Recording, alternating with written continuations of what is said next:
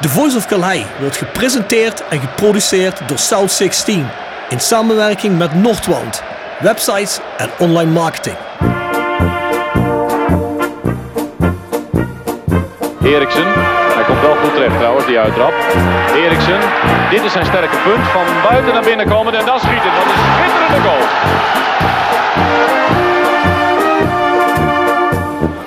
Hansen.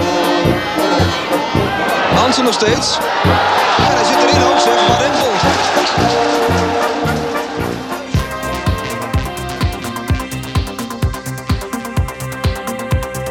Van der Leur. Arnold. Over de lijn, het is 1-1 of niet? Het is 1-1. Graham Arnold toch weer. De Australische tank. Let op Hansma. En dan Sivon die die bal teruglegt op Van der Leur. Hij ramt 3-1 binnen in de 49ste minuut. En dan is de wedstrijd verlopen. toch al zo lang in de club zitten en door samen in geëerd werden. Daar hebben we er niet voor gedaan, maar dat is zo gekomen is. Dat deed mij persoonlijk en ook aan het Hendricks enorm. Nu geven, Hadoui als hij rustig blijft. Hij blijft rustig, Roda op 3-1. Ja, dat kon niet uitblijven. Vente komt vrij voor het doel. Hier kan Roda toeslaan. Goppel, en die zit erin.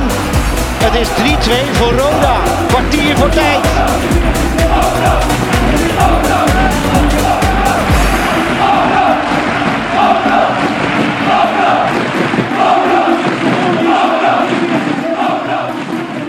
Dit is Nick Vossenbelt en je luistert naar The Voice of Kalheide.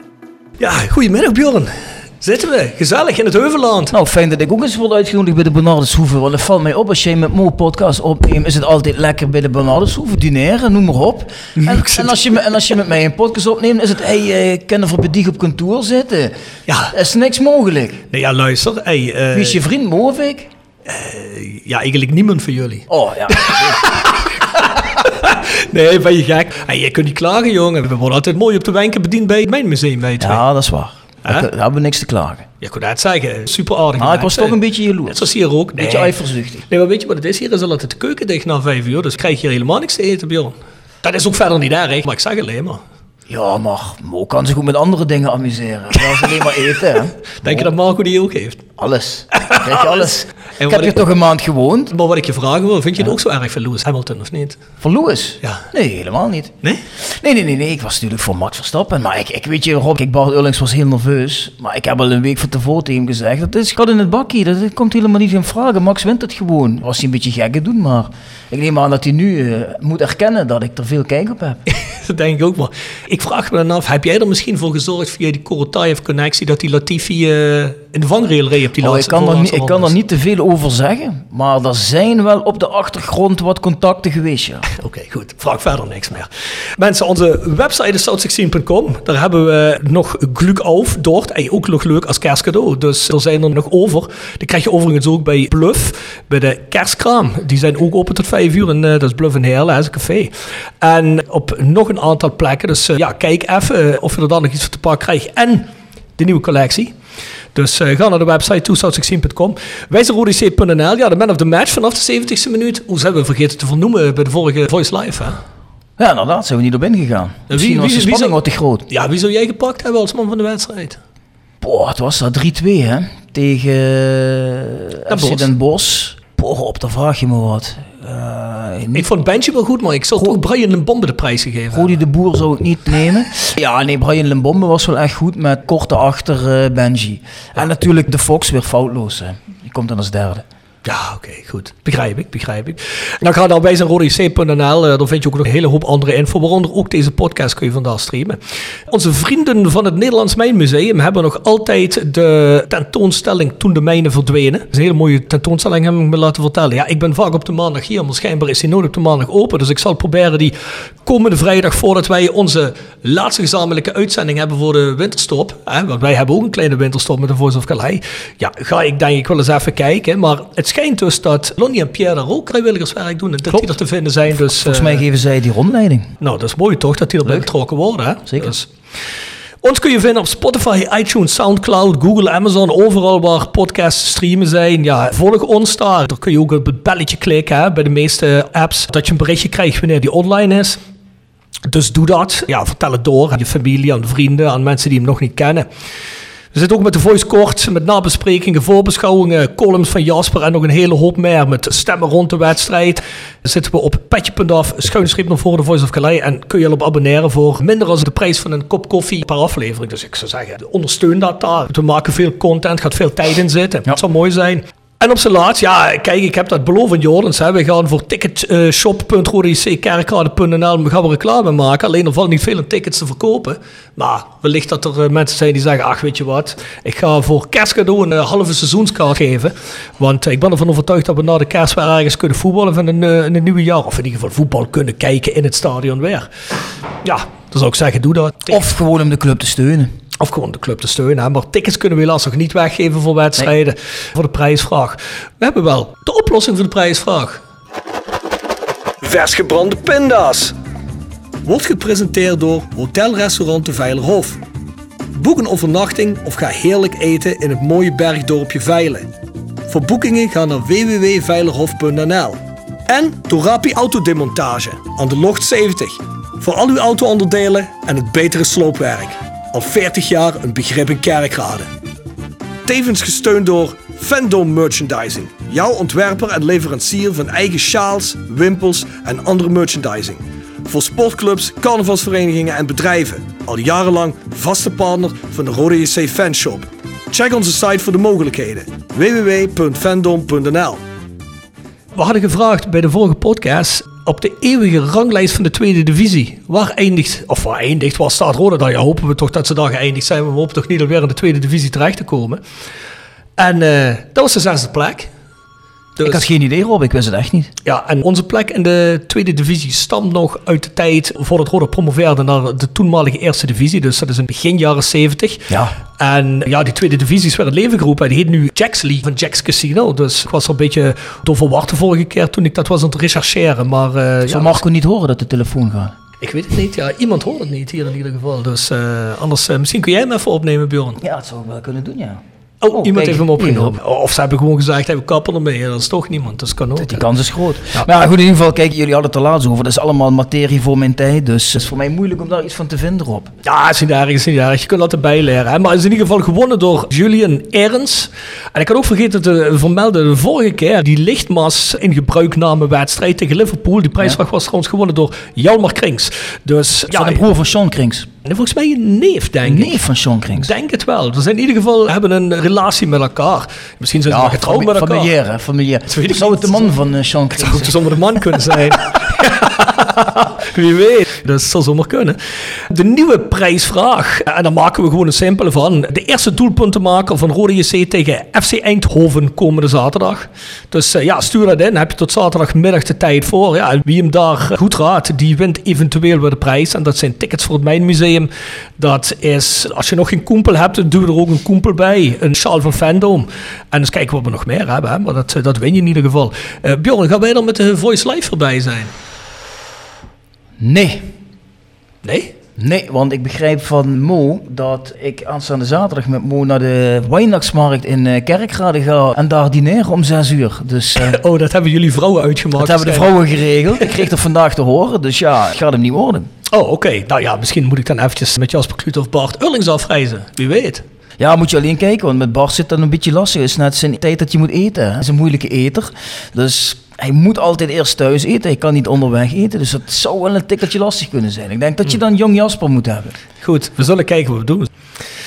Ons mailadres is de voiceofcalais@south16.com. En dan hebben we de tip van de week. Tip van de week. Gepresenteerd door Jegers Advocaten. Ruist de Berenbroeklaan 12 in Heerlen. Hart voor weinig, nooit chagrijnig. www.jegersadvocaten.nl En Nextdoor Kapsalon, Nagel en Beauty Salon op de locht 44A8 te Kerkrade. En Roda Support, supporter van werk, de uitzendorganisatie rondom Roda JC waarbij de koempelmentaliteit centraal staat. Roda Support brengt werkgevers en werknemers met een hart van Roda samen. Ben je op zoek naar talent of leuk werk in de regio?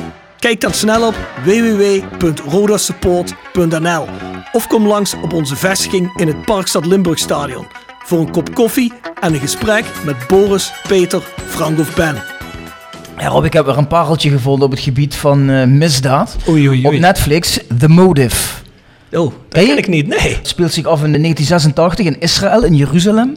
En eh, er ligt een familie te slapen. En de zoon, minderjarige zoon, 14 jaar, terwijl er eigenlijk hele intelligente jongen, geen problemen, noem maar op. Die wordt wakker, pakt een pistool en schiet zijn ouders en zijn twee zussen dood. En wordt later gearresteerd door de politie. En eh, ja, wordt dan ook verhoord van waarom heb je dat gedaan? En hij zegt, ja, weet ik niet. Stemmen gaven mij de opdracht toe. En is eigenlijk helemaal nooit boven water gekomen waarom die dat gedaan heeft. En dan zie je verder ook hoe dat met die jongen afloopt. Ja, die is nou gewoon eh, vrij en doet zijn ding in Israël. En dat is een groot raadsel waarom hij zijn familie heeft doodgeschoten.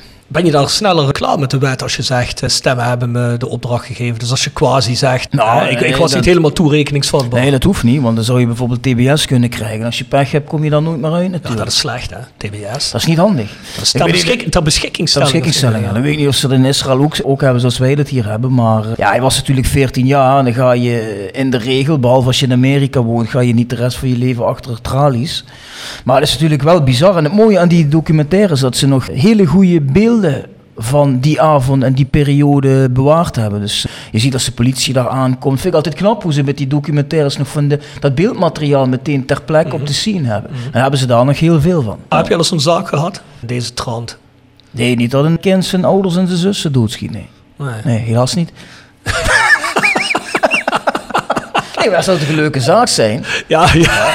ja, als je het zelf niet gedaan hebt. Of als je er niet het slachtoffer van misschien Nee, wel, ja, dan is het wat minder. Maar nee, Rob, ik heb zo'n zaak niet gedaan. Maar het is een beetje net als, eh, wat- had ik toen, die, die hele goeie van Who Killed Little Gregory. Heb je die nog gekeken? Ja, die heb ik nog gekeken. Die was zo goed, hè? Ja, die was goed. Ja, ja, is een beetje vergelijkbare kwaliteit. Ja, goed. Ja, dat was een goeie. En ik heb ook een, documentaire. Er zijn natuurlijk veel Maradona-documentaires. Maar dit is eigenlijk... Ja, dit is niet echt een documentaire. Dit is eigenlijk meer een serie. En een seizoen lang is dat ook met acteurs. Is dat leven van Diego Maradona gespeeld. Ja, of je de acteurs altijd even goed vindt uitzien, vindt lijken op Diego Maradona, dat is een tweede. Het, valt best wel mee, maar ze mixen dat ook met originele beelden. En het gaat vooral over zijn periode tot aan dat hij naar Italië gaat. Dan belichten ze eigenlijk alleen maar een beetje het eerste seizoen bij Napoli. En dan eh, tot aan het wereldkampioenschap in 86 en dat hij dat wint. En dan switcht altijd naar de tijd dat hij net die hartaanval heeft gehad. En zijn afscheid neemt bij Boca Juniors. En het gaat eigenlijk niet verder daarna. Dus die tijd in Mexico en dergelijke. Dat wordt eigenlijk niet belicht. En ja, de latere jaren Napoli ook niet, waar hij verstrikt raakt met de maffia en dergelijke, waar hij eigenlijk op een gegeven moment gewoon door alle schandalen eigenlijk eh, ja, weg moet. Dat ontbreekt een beetje, dus het is een beetje getint. Het is een Argentijnse serie. Ja, ik heb hem met ondertitels gekeken, maar het is wel leuk om te kijken. Dus als je Maradona-fan bent... Dan, En waar eh, vind je die? Die vind je op Amazon Prime. Oké. Die heet Maradona Blessed Dream. Maar jij hebt eigenlijk ook jouw leven best een lange tijd Maradona nagespeeld, toch? Want jij hebt ook een beetje te kampen gehad met dezelfde problemen. Zwaar verslaafd. zwaar levigheid. Zwaar, verslaafd ben je geweest. Maar je bent eigenlijk, toen je, jou, toen je jouw vrouw eh, ontmoette, ben je een beetje op het rechte pad gekomen. Hè? Ja, mijn vrouw speelt dezelfde rol als die Claudia in het leven van Diego Maradona. Hij heeft Ja, heel lang van de zijlijn moeten kijken hoe hij van de rails afging. En daarna heeft ze me er toch weer opgewipt. Ja, ja. Dus, eh, Ah, nee, ik, zie, ik zie gelijkenissen, zeker ja, weten. Ja, ja, ja, ja, ja. ja, nee, daarom, daarom. Ja, Bjorn, onze gast vandaag. Ja, onze gast is denk ik tweede keer eh, nu hier. Hè. Dat is Mark Maas, voormalig teammanager. En nog een hele hoop andere zaken heeft hij bij Rode gedaan. Maar Ja. hij is er weer. Jongens, dank je. Leuk om hier te zijn. Ja, vorige keer kwam hij en toen had hij een eh, Voice of Calais Roda shirt bij zich. Ja, fantastisch, Ja. heb ik nog altijd natuurlijk. Dat ga ik op een gegeven moment, dat is mooi framen en... eh ja, eens kijken, misschien hebben we dan een vaste podcastlocatie tegen die tijd. En dan komt hij mooi daar in die ruimte te hangen. Maar de vorige keer vertelde Mark ons ook nog hoe fantastisch De La Vega was. Kun je het nog herinneren? Ja.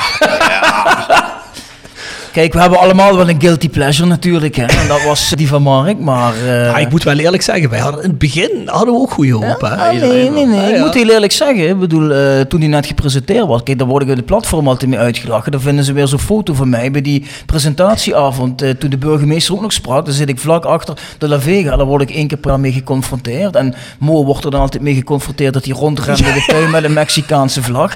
Ja, goed, kijk, op dat moment hadden wij onze hoop erop gevestigd. En in het begin leek het ook niet verkeerd. Dat is natuurlijk een kwaliteit van, van dat soort lieden, dat ze je in het begin een heel goed eh, gevoel kunnen geven. Dat hebben ook veel mensen als ze met jou praten. denken ze ook van, is een fijne vent, maar als ze je wat beter kennen, dan wordt het snel minder. Daarom twijfelde ik ook echt om toch nog te Om komen. nog een keer te komen. Ja, ja, ik herken dat. Ik kijk, herken dat. kijk, die Mark die schaalt zich nou aan jouw kant, maar dan Ja, komt hij wel achter. Het gaat fout, Hij, joh. hij, hij weet ook welk paard dat hij moet winnen. Maar, ehm hey Mark, ehm, want je bent bij Roda vertrokken per 1 oktober, 1 geloof ik, oktober hè? was mijn laatste werkdag, klopt. En hoe wen leven nu Roda? Ehm, mentaal heb ik toch wat meer rust gekregen. Eigenlijk rust waar ik naar op zoek was. Maar eh, ja, je mist het natuurlijk wel. Weet je, Mhm. toeleven naar een wedstrijd, de wedstrijden zelf. Maar ik mis ook een hele hoop dingen niet. Dus eh, eigenlijk, we zijn nu eh, ruim 2,5 maand verder bijna. Voor mij nog steeds de juiste keuze geweest. Echt geen enkel moment spijt van gehad. Ehm, dus ja, prima. Op deze manier voor mij. Nog heel even voor de mensen die misschien die, want je zat volgens mij bij de eerste tien gasten van onze podcast in seizoen 1. We hebben daarna een hele hoop nieuwe luisteraars erbij gekregen. Ik weet niet of die nog zo ver teruggeluisterd hebben. En voor de mensen die dat misschien niet meegekregen hebben, dus je bent teammanager geweest bij Roda. Wat heb je nog meer gedaan? Nou, papier was het teammanager en eh, persvoorlichter. Persvoorlichter, perschef, zoiets Ja. hè? Ja, Manager dus, communicatie, kun je het ook noemen eigenlijk. Eh, was ik grotendeels verantwoordelijk voor alle communicatie die bij Roda eh, eruit werd gestuurd op, eh, op enkele gevoelige persberichten na. Maar ehm, ja, eventjes heel kort door de bocht. Teammanagement betekent dat je eigenlijk alle facilitaire zaken rondom het team en eh, rondom de spelers individueel eh, regelt. Dus eigenlijk alle niet voetbalgerelateerde zaken. Ja, en de communicatie heb ik zojuist uitgelegd. Dat Ja. waren eigenlijk de twee grootste bezigheden van mij eh, eh, gedurende mijn werkzaamheden bij Roda. Maar Mark, wacht even. Wil je nou zeggen dat je dat persbericht waarin de schuld bij de regio alvast werd Ja, gelegd, dat je het daar niet mee eens was? Ja, was, was mijn idee. Nee, nee dat, zijn, eh, eh, dat, dat is zo'n voorbeeld geweest waar ik het absoluut niet mee eens was. En zo zijn er nog wel een aantal voorbeelden eh, geweest eh, de afgelopen periode. Maar ja, goed, is gebeurd. Ja, ja, ja, komen we zo misschien nog even Kom zo meteen terug. terug, ja. Zo'n teammanager, volgens mij is dat zo'n beetje wat, eh, wat je op tour doet als tourmanager. Hè? Dus ik doe dat ook voor een band. En volgens mij is het een beetje het transport regelen, de Ja. hotels regelen, Ja. regelen dat iedereen zijn visa heeft, Ja. regelen dat alles geregeld is. Hè? Dus eh, verzekeringen denk ik Ja. en zo. Hè? Klopt. Huizen, eh, auto's, bankrekening. Wie was nu van die jongens en die de hele tijd je gedaan hebt, wie was nu het moeilijkste? Dat je denkt van, oh, hier heb ik echt geen zin meer in in deze gast. Mag ook Zo, initialen die luisterde? Ja, ja. Mag ook initialen Ik denk niet dat die luisterde, was Alonso. Ja? Ja, dat was eh, Echt? een, een doodgoeie kloot, echt. Maar die, die belde mij echt voor alles. Huh? Daar werd ik af en toe wel een beetje gestoord. Maar bellen die gasten jou dan ook gewoon om 12 uur s'avonds, s'nachts om middernacht, van hey Mark, eh, Ja, als er echt ik heb een sleutel verloren. Ja, dat, dat kwam wel eens voor. Of dat er eh, bij een jongen was ingebroken en eh, ze niet wisten wat ze moesten doen, wat het alarmnummer was. Zoveel gekke dingen eh, meegemaakt eigenlijk. Maar ja, van de andere kant snap ik het ook wel. Want sommige jongens die zijn hier ook gewoon niet. Ja, ja, die, zeker. Die, die kennen hier niemand, die weten niet hoe het hier werkt. En dan is het wel fijn voor hen om iemand te hebben waar ze terecht kunnen. Nee, tuurlijk, tuurlijk. Nee, dat is ook belangrijk. Hè. Ik bedoel, zeker als je in een, in een fase waar je moet wennen, moet je een telefoonnummer hebben waar je denkt van, ah, ik weet echt niet meer waar naartoe, ik bel wel even.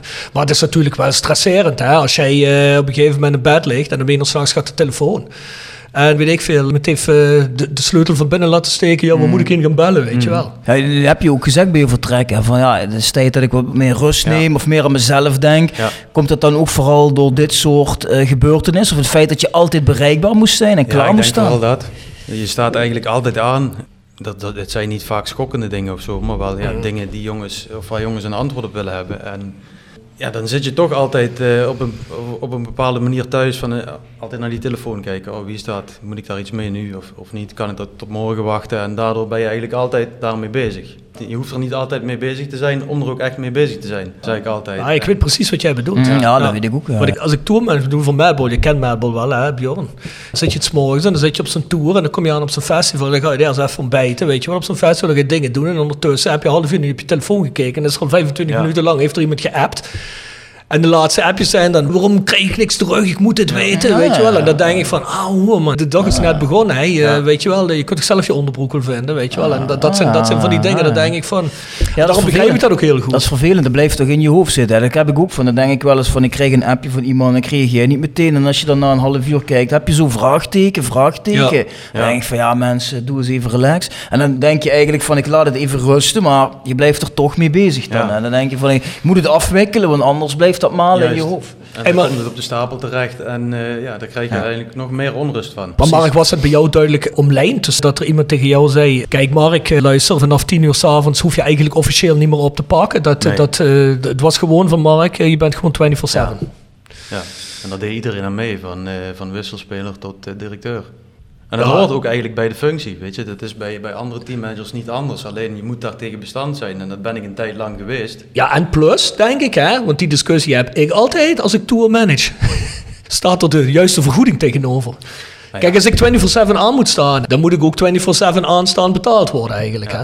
Nee, dat was bij mij niet zo, nee. Dat was bij mij ook niet zo, dus maak je geen zorgen.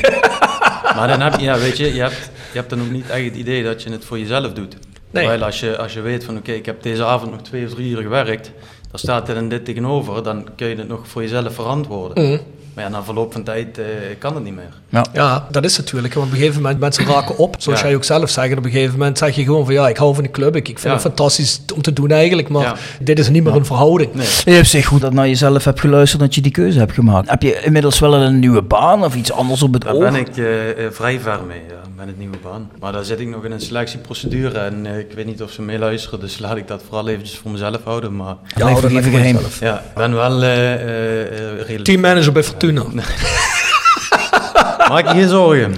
Hoe zou het zijn om teammanager bij de Six Sense te zijn? Nou ja, jullie hebben de vorige keer ook al geprobeerd om het gesprek daarin te doen. En daar hou ik me gewoon ver vanaf. Ja? Dus dat is het niet? Nee. Had ik je toch wel een Misschien moet type je voor gevonden? Ja, het is Ja, vast ja, wel ik denk dat die er wel eh, voor open staat. Oh. Misschien, misschien, wordt hij misschien wel eh, manager eh, bij zo'n dildo-firma, denk je niet? Denk je? Ja, daar is hij wel veel mee bezig, zei Niek, hè? Ja, Nick nee, zei ik dat Heb, hij- ik heb de podcast niet, gel- niet geluisterd. Hij, hij draaide het ook een beetje naar zijn eigen verhaal. Maar jullie weten niet hoe het echt zit. Nou, dat, Ja, maar als jij het niet vertelt, dan moeten wij met Ja. Niek meegaan, hè? Ik Ik zal, bedoel, ik zal het eh, uitleggen. Hij vertelde iets over een cadeautje wat hij mij had gegeven als afscheid bij Roda. Ik had van alles gekregen van die jongens, maar er zat ook een apparaat bij. En ik weet niet, ik denk dat jou het wel bekend voorkomt. Dat zet je over je, je, apparaat, je eigen apparaat heen. Oh, die, ja, ja. oh ja, dat komt hem inderdaad. Ja, Ja, ja, ja. want hij, Ja, daar heb ik er drie van.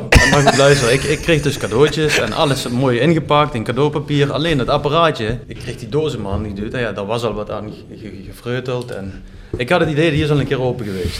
Oh, die had hij zelf al gebruikt. Dus nou goed, ik kom thuis en eh, ik zeg tegen mijn vriendin, hier, kijk eens, eh, kijk eens wat, wat ik gekregen heb. Ja, wat is dat? Ik zei, hier, kijk. Dus ik maak dat ding open en ja, die binnenkant van het apparaat, het ziet er gewoon uit als een, als een afgesleten autoband. Dus ja, ik denk dat Nick hem al heel vaak zelf heeft gebruikt en dat hij hem zat was. En toen zoiets had van, hé hey Mark, mag jij nog de laatste dagen van het apparaatje volmaken en dan kan hij naar stop. Dit betekent wel dat we Niek weer een keer terug moeten vragen. Ja, dat zou ik wel doen. En Rob, Ja. Het verhaal klopte helemaal niet wat hij vertelde. ik moet die weer komen nu. Nou, om te horen is hij al genoeg gekomen. Dus, eh, ja, En zo- dat is eigenlijk Nick in de notendop. Kun je wel mee lachen dus. Ja, zeker. Ja, hè. En hoe reageerden de spelers eigenlijk op jouw vertrek? Eh, daar waren ze niet blij mee. Maar ik hou er niet zo van om dat over mezelf te zeggen, maar ja, ik lag wel goed bij ze. Hm. Weet je, en dat komt ook juist door die bereikbaarheid en altijd problemen kunnen oplossen. En ja, ze, weten, ze wisten dat ze bij mij met alles terecht konden. En daarom was het wel eh, ja, voor, voor, voor het overgrote deel, ook wat ik al wat langer ken, toch wel een, een redelijke shock dat ik het besluit had genomen. Maar ja, als ik dan mijn verhaal ga doen en het uitleg, dan begrijpt wel iedereen het. Dus. Ja, het lijkt me wel een aderlating. Want ja, wie doet het nu? Rijn, denk ik. Rijn Hij doet een gedeelte en eh, Jim en Dominique, de fysio's, doen een gedeelte en eh, Jamie doen een gedeelte. En, Maar ja, voor wie moet je dan bij wie zijn? nee, ja, dat is de oplossing niet. Maar goed, weet je, die oplossing ligt ook niet bij mij. Maar ik heb, Nee. eh, ik heb wel geopperd vanaf het moment dat ik, dat ik eigenlijk het besluit dreigde te gaan nemen. Daar heb ik ook wat mensen toen over ingelicht. Van hey, laat mezelf mensen aandragen die het zouden kunnen, kunnen overnemen. Waarvan ik denk eh, dat ze daar geschikt voor zouden zijn. Maar ja, daar is, is weinig mee gebeurd. Dat is wel Ja. jammer. Ja. Ja. goed, dan moeten ze wel weer wat centen uitbesparen. Dan ga je dat over een aantal mensen verdelen natuurlijk. Dan krijg je dat. Maar of dat eh, goed is, ja, dat is natuurlijk maar de vraag, hè. Ja, goed, ik kan natuurlijk ook van hieruit niet beoordelen of die jongens dat ook niet goed doen. Misschien eh, is ook wel iedereen tevreden, dat weet ik ook niet. Maar het lijkt me wel gemakkelijk als je één telefoonnummer hebt waar je in kunt bellen. Ja, natuurlijk, precies, hè. ja, Maar, precies. eh, hey Mark, jij vertrekt bij Roda. Ja, jij zegt dat werd me te stressig allemaal. Ik moest voor mezelf kiezen. Dan zijn er überhaupt in het laatste, ja, wat is het nou? We zitten nu op drie kwart jaar, zou ik zeggen, half jaar. Zijn er heel veel mensen ja, die eigenlijk door de buitenwacht toch wel gezien worden als rode mensen, zoals jij hier in die troost, et cetera, zijn vertrokken.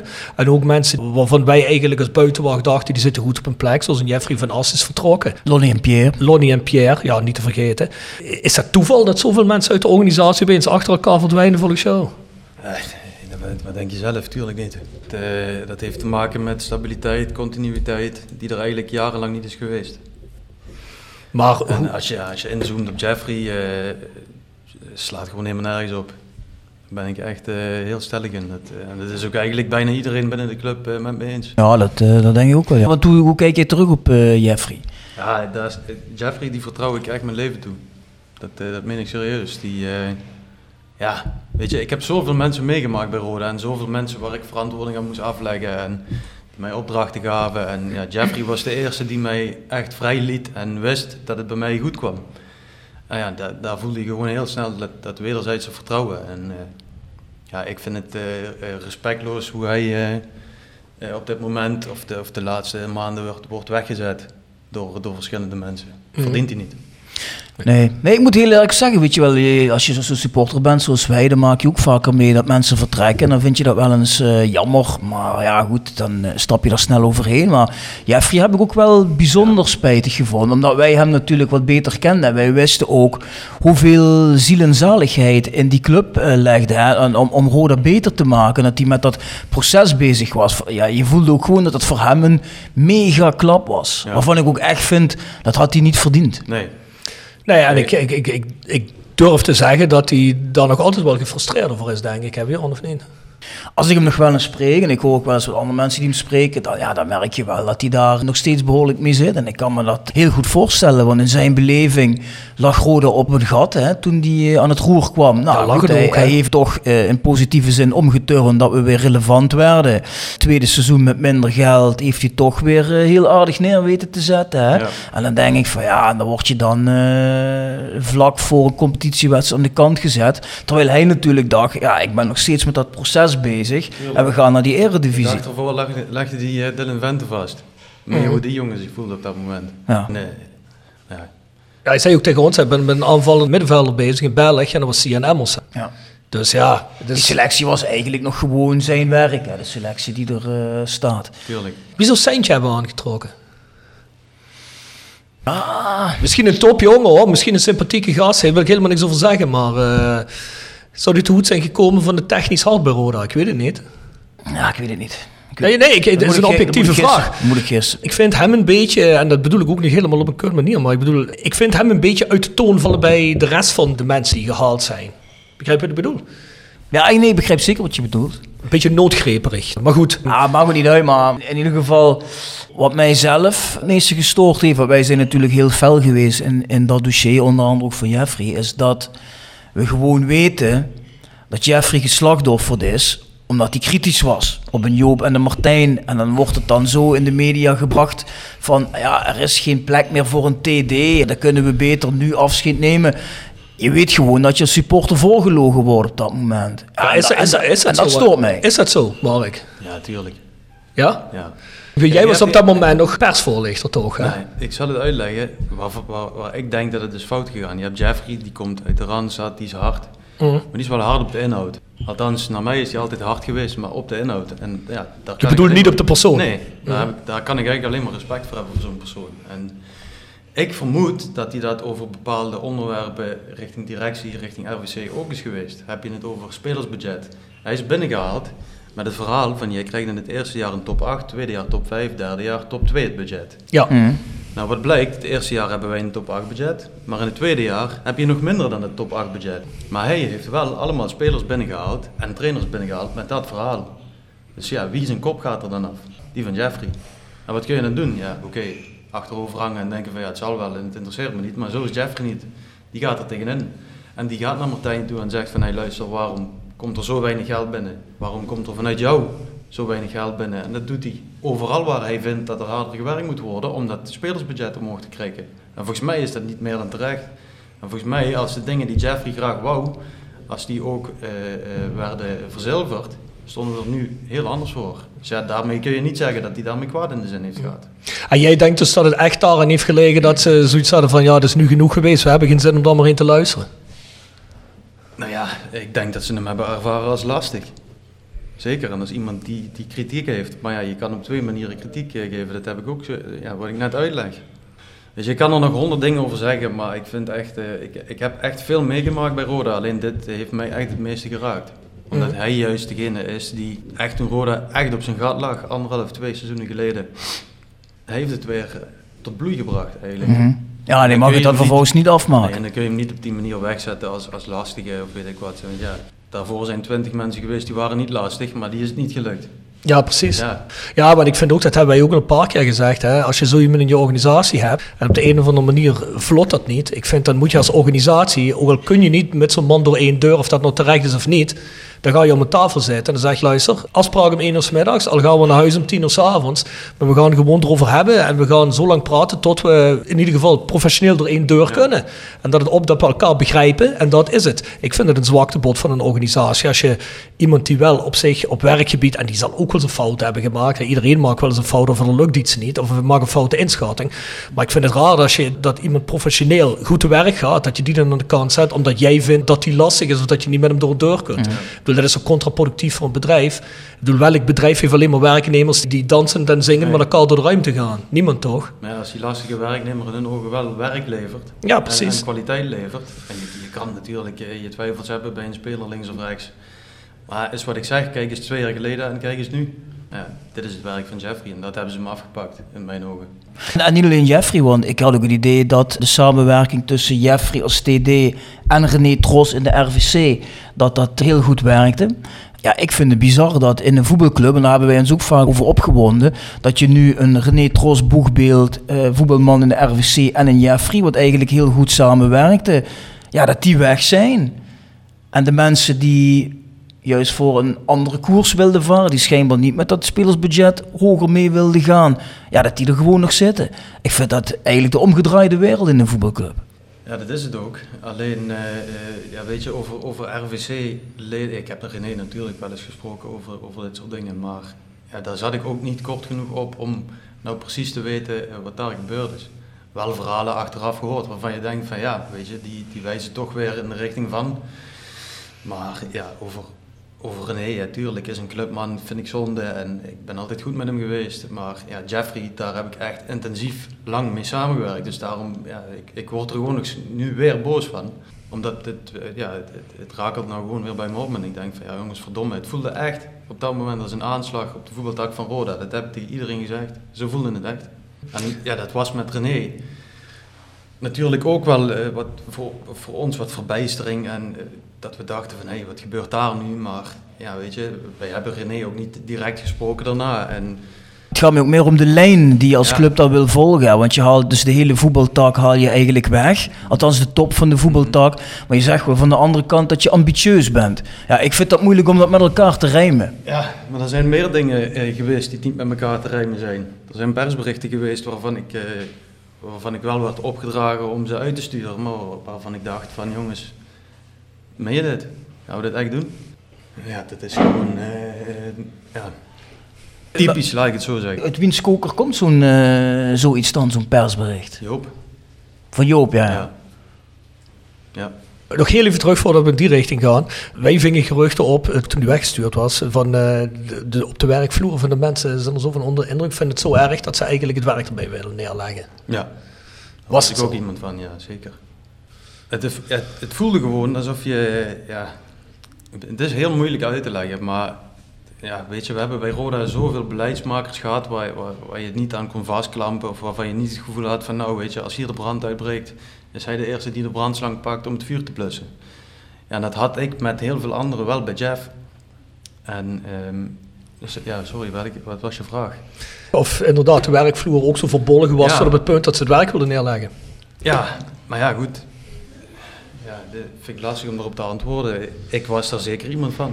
En met mij heel veel, maar er waren ook een aantal die, eh, die de rust wilden bewaren. En ja, dat begrijp ik ook. Mm. En je, moet het, je moet het allemaal samen doen, of niet?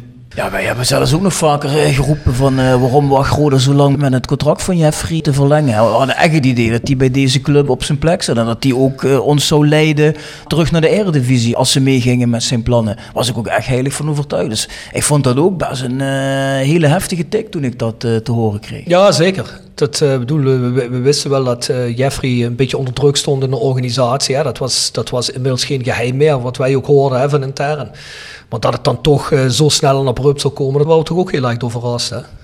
Ja, tuurlijk. En ik bedoel, vooral op het moment erop ook. Kijk, uh, we waren er wel uh, langzaam een beetje van overtuigd dat Joop, bij wijze van spreken, niet van zin zou zijn om Jeffries contract te gaan verlengen. Maar ja, dan denk je van het laten ze aflopen en dan laten ze hem het einde van het seizoen vertrekken. Maar dat je dat opeens een dag voor de graafschap Roda op zo'n manier gaat doen, ja, daar heb je eigenlijk wel een beetje de voetbalclub toen mee te kakken gezet. Hey Mark, je noemt net al persberichten, moest je uitsturen van Joop en dergelijke. Ja, joh, ik bedoel, ik wil het niet te veel op Joop richten, maar Martijn was dan degene die zei, ja, ja. Mark, nu moet je dit uitsturen. Maar goed, ik, ik weet dat Martijn die berichten niet zelf heeft en dat die van hoger aankomen. Dus. Ja, precies. En daar wil ik ook eigenlijk heen. Ik wil het eigenlijk niet op één persoon pinnen, maar heb jij in de tijd dat jij er nog gewerkt hebt met ja, onder Phoenix Groep, Joop, Martijn en dergelijke, heb jij de indruk dat of nu moet ik anders zeggen, heb jij een duidelijk beeld gekregen van waar hun eigenlijk heen willen voetbaltechnisch met die club? Of was dat niet helemaal duidelijk voor jullie als medewerkers? Nee, eh, ik heb eh, de mensen op Stijn na nooit gesproken. En zelfs Joop niet. Ik heb wel de persconferentie eh, voor Joop en wie zat er, wat was het toen nog, Martijn volgens mij. Die werden toen tegelijkertijd gepresenteerd, als ik het goed heb. Die heb ik wel georganiseerd. Toen heb ik Joop heel kort gesproken, maar daar heb ik hem nooit meer gezien. Maar ik ben wel iemand in de organisatie die zijn beleid moet verkondigen naar buiten toe. Ja, dat, kun je niet rijmen met elkaar. Nee, maar hoe kan dat dan volgens jou? Of heb je daar een verklaring voor? Ja, dan weet je denk ik niet hoe het werkt. Dat is de enige verklaring uh, die ik daarvoor kan hebben. Kijk, die, de beste man heeft misschien elders prima zaken gedaan en een prima bedrijf opgebouwd of weet ik wat. Maar er zijn zoveel voorgangers geweest die hebben bewezen dat de voetbalwereld een hele andere tak van sport is. En je kan er niet zomaar in springen en denken van oké, nu ga ik die tent leiden hier. Want ja, zo werkt het niet. Dus eigenlijk een beetje als, uh, ja, hoe noem je dat, als, als de dingen in de porseleinkast uh, er doorheen gewalst. De olifant. Olifant in de porseleinkast. Weet je, en ik wil ook hier niet een of ander uh, zeurderig verhaal lopen af te steken, want inmiddels zijn we alweer wat maanden verder en Jordens die, die maakt uit de media in ieder geval, ja. ik zie een prima indruk op mij. Zeker weten. Dus laten we hem ook absoluut de kans geven om zichzelf uh, ja, te presenteren bij Roda. Maar hoe het daarvoor is gegaan, ja, daar heb ik nog steeds wel mijn vraagteken. Nee, maar dat komt ook juist. Jolis maakt een hele goede indruk. Maar ik ben ervan overtuigd dat dat ook komt omdat hij uit de voetballerij komt. En omdat hij weet wat supporters, sponsoren belangrijk vinden. En ja, dat merk je gewoon. En, en, en, bij Martijn en Joop heb je dat niet, dat gevoel. Nee we het hier weer over hebben. Het gaat ons ook niet om om weer eh, een hele hoop stof op te laten waaien. Maar het is wel belangrijk dat de mensen wel zien dat wil Jordan Peters een kant van de slagen hebben, dan moet het niet zo lopen als het is geweest bij Jeffrey van. Dat hij dan ook echt de mogelijkheid krijgt zich te ontplooien. En ja, van wat wij horen tot nu toe goede ideeën zijn, dat hij daar dan ook iets van kan gaan omzetten. Hè? En dat is eigenlijk een beetje de angst die bij veel mensen uh, heerst, die je nu spreekt. Dat ze zeggen van ja, die jongen maakt een super indruk. Hij zegt eigenlijk alles wat, wat goed is, maar kan hij het ook gaan omzetten? Mag hij dat ook zo gaan omzetten? Kan hij zich ook gaan ontplooien? Kijk, dat krijg je natuurlijk wel, want dezelfde mensen zitten daar natuurlijk nog boven. Hè? Dus daar gaat het een beetje om. Tuurlijk, alleen hij is wel iemand die, uh, die op zijn manier, denk ik wel, uh, het merk Roda naar buiten toe kan vertegenwoordigen. En ehm, ja, als je naar hem luistert, dan, dan heeft hij wel de gunfactor. Ja, dus dat is al een hele belangrijke stap, denk ik, om bij een, een grote sponsor binnen te stappen en daar eens een verhaal te gaan houden. Mhm. Als je het afzet tegen zijn voorgangers. Zonder die mensen tekort te doen. Het was er een met zijn voorganger. Ja, nee, ik bedoel, daar hoef je ook niks over te zeggen. Maar ik bedoel, wij horen zelf van de mensen hè, waar die komen. Dat, nogmaals, dat spreekt denk ik ook voor Bjorn. De man op zich, helemaal geen slechte kloder zo, Martijn Wismans. Alleen die zat compleet op zijn foute plek. En de mensen die spreken in MKB's bijvoorbeeld, hè, waar die dan wel eens langs is geweest of meegesproken is. Mensen zeggen, ja, hij komt zo onovertuigend over. Ja, daar willen we gewoon geen extra geld in steken. Dus ja, het is eigenlijk een publiek geheim dat de man gewoon eigenlijk niet op zijn plek zat. Verder, uh, alle respect voor Martijn Wismans. Ja, dus... ja, maar goed, eh, zet het tegen elkaar af en uh, je ziet dat, of dan krijgt Jordans in ieder geval van mij uh, de voorkeur. Duidelijk. En dan ken ik hem helemaal niet. Maar, ja, ja, natuurlijk. Hoe, ja. hoe die zich presenteert en hoe die over woorden praat. En dan denk ik van ja, dat zou wel eens de juiste man kunnen zijn voor, voor. Ja, nee, wij, persoon, wij, persoon Jolis zal het niet leggen in ieder geval. Nee, nee want wij hadden zoiets nadat we die podcast met hem hadden gedaan. En ook zo de communicatie die er zo wel eens is. Van, uh, ja, is eigenlijk bijna too good to be true dat iemand dat zit met die ideeën allemaal. En, uh, maar wij zeiden ook al laatst uh, bij de, wat was dat, bij de Voice Live. Hè, we hopen dat hij daar de tijd ook voor krijgt en ook, ook de handjes voor krijgt. Want het is een Hercules-taak eigenlijk, hè, om dat voor allemaal op poten te zetten, denk ik. Ja, ik ben benieuwd wat er gaat gebeuren als Joris gaat zeggen van nou goed, om te groeien heb ik dit nodig. Heb ik bijvoorbeeld commercie nieuwe mensen nodig of meer mensen of spelersbudget moet omhoog. Ben ik benieuwd wat ze dan gaan zeggen. Want daar gaat het dadelijk om draaien natuurlijk. Kijk, ik verwacht niet dat Jordens wat sponsoren gaat bellen en er komt een miljoen meer aan commercie binnen, binnen een paar maanden. Dat is allemaal gepiept. Dat ligt natuurlijk een stuk gecompliceerder dan dat. Dus hij, hij moet wel hulp krijgen bij het verwezenlijken van zijn plannen. Zeker. Voor we verder gaan. Rubriekje. Rubriekje. Jonas Jo wordt gepresenteerd door RodaJC.goals. Het Instagram-account voor je dagelijkse portie Roda-content. Iedere dag een doelpunt uit onze rijke historie. Van Aruna Kone tot Shane Hanze. Van Bob Peters tot Dick Nanninga. Volg RodaJC.goals op Instagram. Nog geen zonnepanelen op uw dak? Bij Marimi Groep in Kerkrade en Heerlen bent u op het juiste adres voor duurzaam advies. Bespaar direct op uw energienota met een hoogwaardig zonnesysteem van Marimi Groep. Marimi Groep werkt uitsluitend met hoogwaardige zonnesystemen die voldoen aan alle eisen van de grootste keurmerken in de solarbranche. Kijk op marimi-groep.nl en maak een vrijblijvende afspraak voor professioneel advies op maat. Van advies tot montage, alles in eigen huis. Persoonlijk contact staat bij ons op nummer 1. Marimi Groep, als kwaliteit uw keuze bepaalt. Tevens gesteund door Metaalgieterij van Gilst. Sinds 1948 uw plek voor gietwerk in brons. Van brons, van Gilst. Jolis Joel, heb jij een, een Roda goal, eh, Mark? Nou ja, ik zie de, de, de meest eh, belangrijke rode doelpunten natuurlijk al allemaal voorbij komen. Eh, de, de, de, de goal eh, tegen Sparta, bijvoorbeeld van Ja. ja. Mark-Jan Flederis, is wel een van de absolute hoogtepunten. Maar wat mij altijd bijblijft is een doelpunt van, ook van Flederis. En dat was in de derby tegen, tegen VVV. Ah ja.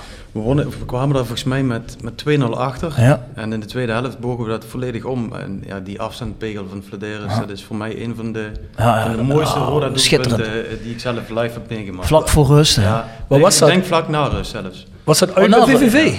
Uit bij VVV. Ja. Nee, dat was volgens mij voor rust nog. Ik denk daarna. Na rust, ja? Ik denk het wel. Want daarna kregen we ook nog een rode kaart. Miste VVV Pingel, kreeg Danilo rood. Nee, ik denk dat jij in een andere wedstrijd zit. Nee, nee, nee. 2-4.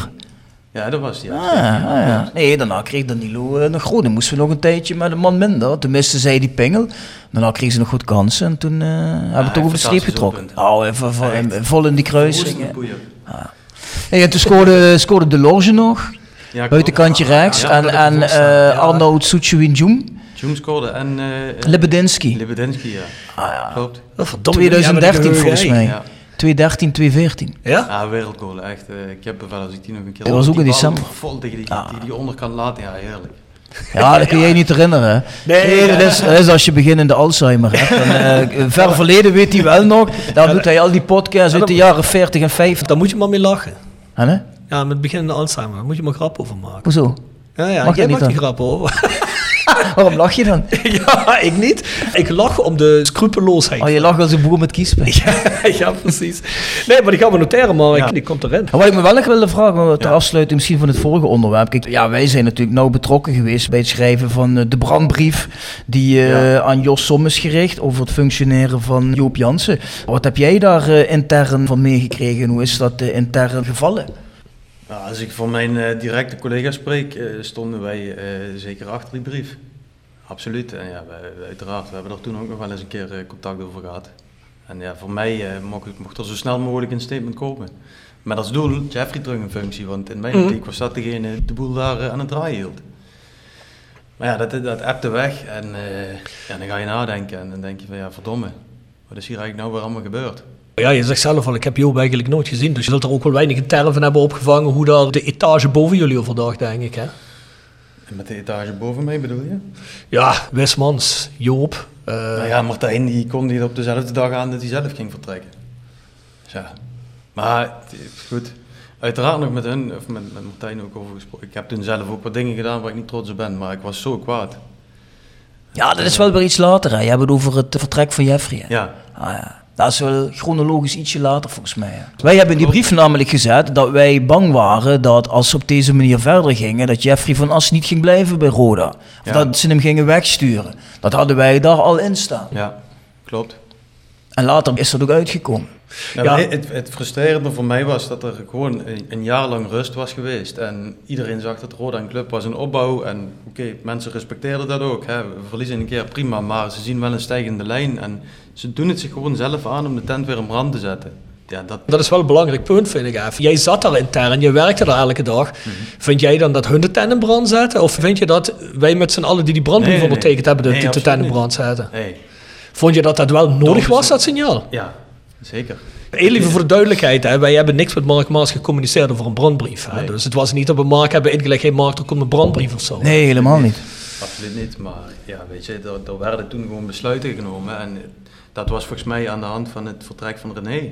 En het persbericht natuurlijk daarna, persbericht, van ja. eh, wat helemaal niet Maar kon ja, kloppen. je, dan staan jullie toch ook gewoon volledig in je recht om dat te doen. En ja, ik denk er niet anders over. Alleen, ik, kan, ik, ik kon destijds gewoon ook sommige dingen niet zeggen of me niet committeren aan bepaalde dingen. Want ja, weet je, Roda betaalt wel iedere maand. Ja, tuurlijk, Mensen uiteraard. Nee, is, dat maakt het gewoon zo enorm moeilijk ook. Nee, want het maakt het natuurlijk ook moeilijk voor ons. Want kijk, jij bent nou de eerste die van intern komt, die ook zegt van, kijk, ik wil het er best over praten. Want jou is waarschijnlijk ook niet ontgaan dat wij eigenlijk eh, uit bepaalde hoeken bij de vereniging aan het supportersgebeuren shit hebben gekregen voor het hele verhaal. Omdat mensen zoiets hadden van, jongens, jullie zijn onrust aan het stoken. Terwijl wij zoiets hadden, nee, we duiden alleen maar op de onrust die Ja. er is. Wij willen eigenlijk dat daar iets aan gedaan wordt, zodat die angel daaruit getrokken wordt, hopelijk. En ja, dat hebben ze niet gedaan. Dus kijk, en jij bent nooit de eerste die van intern uitspreking zegt wat in die brandbrief stond, er was wel degelijk aan de hand. Tuurlijk. Want tegen ons wordt altijd gezegd, betrouwbare bronnen, betrouwbare bronnen, eh, kom er maar eens met één, want eh, jullie zuigen iets uit je duim. Nou ja, goed, hier is er één. Klein groepje roept dat erop. Nee, maar daar gaat het me niet Nee, om. Kijk, het, het gaat me ook niet om een ego of zoiets. Het gaat mij er gewoon om, wij hebben geprobeerd dit gewoon heel eerlijk aan te pakken. We hebben echt maanden gewacht met dit op straat te gooien. En toen hebben we nog geprobeerd redelijk anoniem te doen. Nou ja, goed, je kunt het niet leuker maken dan het is. Maar we, we vonden wel dat het zo'n vormen aannam, omdat we van veel mensen intern hoorden, kijk, dit kan eigenlijk niet meer langer, hoe die man tekeer gaat en hoe er beslissingen worden genomen. Ja, dan gegeven moment moet je iets gaan doen. Maar je kunt ook niet mensen onder de bus gooien. Ja, je kunt niet zeggen van, ah, die heeft dit gezegd, die heeft dit Nee. gezegd. Hè. Nee, dat gaat niet. de gedeeltelijk mensen, zoals Mark zegt, waar Roda nog een boterham betaalt. En ook gedeeltelijk mensen die gewoon zeggen, nou ja, luister, eh, ik kan dit gewoon niet. Dat is, voor mij is dat ook eh, Nee, nee, nee. beschadigt mijn naam misschien, hè, bij, Ja. bij andere dingen. En als mensen tegen je zeggen, ik wil je wel iets vertellen, maar dat is wel een vertrouwen, ja, dan moet je dat ook vertrouwelijk eh, behandelen natuurlijk. Ja, en in de kern komt het natuurlijk allemaal neer op wat Mark in het begin ook zei, van kijk, toen Phoenix Groep geïntroduceerd werd, is inderdaad gezegd, top 8, top 5, top 2 budget. Ja. En je voelde gewoon in het einde van vorig seizoen, toen ze begonnen met, ja, eh, het spelersbudget moet met 20% omlaag, ja, dan voel je gewoon, je gaat die doelstelling never nooit meer halen. En daar is natuurlijk ook een beetje de problematiek bij begonnen. Want René heeft zich er sterk voor gemaakt. Jeffrey heeft zich er sterk voor gemaakt. Ja, dat is natuurlijk wel... Nu komt het ook uit. Want het is heel zonde. Je staat nu zevende. Terwijl met een, met, met een ietsje hogere investering had je denk ik dit seizoen mee kunnen doen om directe promotie. Ja, alhoewel ik ook denk dat, dat veel wedstrijden echt pech zijn geweest. Tuurlijk. Dus Tuurlijk. Ik denk als een balletje, maar ja, dan kom je weer op het, op, op, het als-verhaal. Maar het, aan de kwaliteit ligt het in ieder geval niet dat je, dat je zevende staat. Dus Nee, maar wel een beetje de breedte van de selectie. Ja. had je misschien Ja, eh, links en rechts een goede ja. vervanger gehad voor een jongen die uit vorm is. Of dan had je wedstrijden naar je toe getrokken. Precies, de kwaliteit van de eerste 12, 13 spelers hebben we niet over. Maar alles wat Nee. daarna komt, met alle respect voor die jongens. Maar misschien hebben die ook nog niet genoeg gespeeld. Misschien hebben die niet genoeg wedstrijdritme, maar dat ontbreekt gewoon. Ja, dan red je het niet. Plus, en laten we heel eerlijk zijn. Kijk naar alle ploegen die hoog staan in de eerste divisie. Die hebben allemaal één jongen die er rond de 20 inschiet. Excelsior, Volendam. Wat hebben we nog meer helemaal bovenin staan? Die hebben allemaal, die hebben een Dalma, die hebben een, eh, hoe heet die, een Muren. Die mannen schieten er gewoon 20 in. Als je er zo een hebt, ja, dat is elk seizoen zo. Dan ben je bijna gegarandeerd van die directe promotieplek. Kijk, en ik heb er vanmiddag nog met iemand over gehad. Het is allemaal ook niet zo heel erg, hè. Als dat niet lukt en als het niet uitwerkt, zo- zoals je het wil en alles, maar... Informeer dan gewoon de mensen. Zoals Jonas Peters dat nu doet. Zeg dan gewoon, hé jongens, eh, we vinden het erg. Kijk, je hoeft niet alles op straat te gooien, daar gaat het helemaal niet om. Maar je kunt niet zeggen, geen commentaar, of ik zie dit niet zo de hele tijd. Die, die houding is te arrogant voor mij ten opzichte van je supporters en, Ja, en, zeker, en, en eh, iedereen. Zeker in een tijd waarin je iedereen gewoon keihard nodig hebt om die club overeind te houden. Ja, precies. Het is niet zo dat, dat Roda eh, zakken met geld heeft liggen en denkt van ja, duizend seizoenkaarten minder prima, dat vangen we wel even op. Nee. Ja. Nee, daar moeten ze het juist van hebben. Nee, ja, precies. Nee, maar en ik vind ook, als je, kijk, als je instapt en je zegt top 8, top 5, top 2, ja, dan moet je er ook voor gaan. Dan moet je niet na één seizoen al top 8, ja, nee, doe maar tweede seizoen ook 8. Nee, als dat dan niet blijkt, eh, of niet haalbaar blijkt te zijn, kom dan gewoon met een, met een goed, eerlijk verhaal waarom dat niet lukt. En dan begrijpt ook 99% van de Ja, zeker, precies. Maar je kan niet zeggen van ja, eh, weet je, hier eh, dit seizoen ja, 20% minder.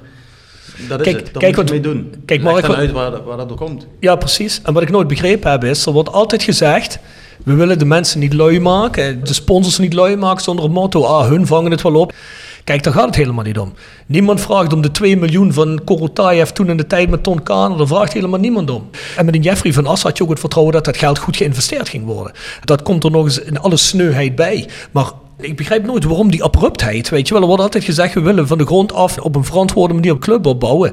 Maar dat moet allemaal uit commercie komen. Maar commercie ligt op zijn gat op het moment. Dan moet het eerst gewerkt worden. Dus het duurt toch wel even voordat Joris Peters dat weer een draai heeft. Met meer mannen of andere mannen op commercie. Weet ik van hoe ze het gaan doen. Maar dat heeft wel even nodig. Ik ben er zeker van. Dat komt ook wel als je het op de goede manier doet. Als je iedereen op een goede manier probeert te betrekken. Maar voor nu kan het toch gewoon parallel aan elkaar lopen. Met een paar ton kun je en in je spelersbudget goed investeren. Tenminste, als je het wel overwogen doet. Dat hoeven geen miljoenen te zijn. Plus, parallel daaraan bouw je de club op. Ik ben ervan overtuigd, je moet met een verhaal naar sponsoren toe.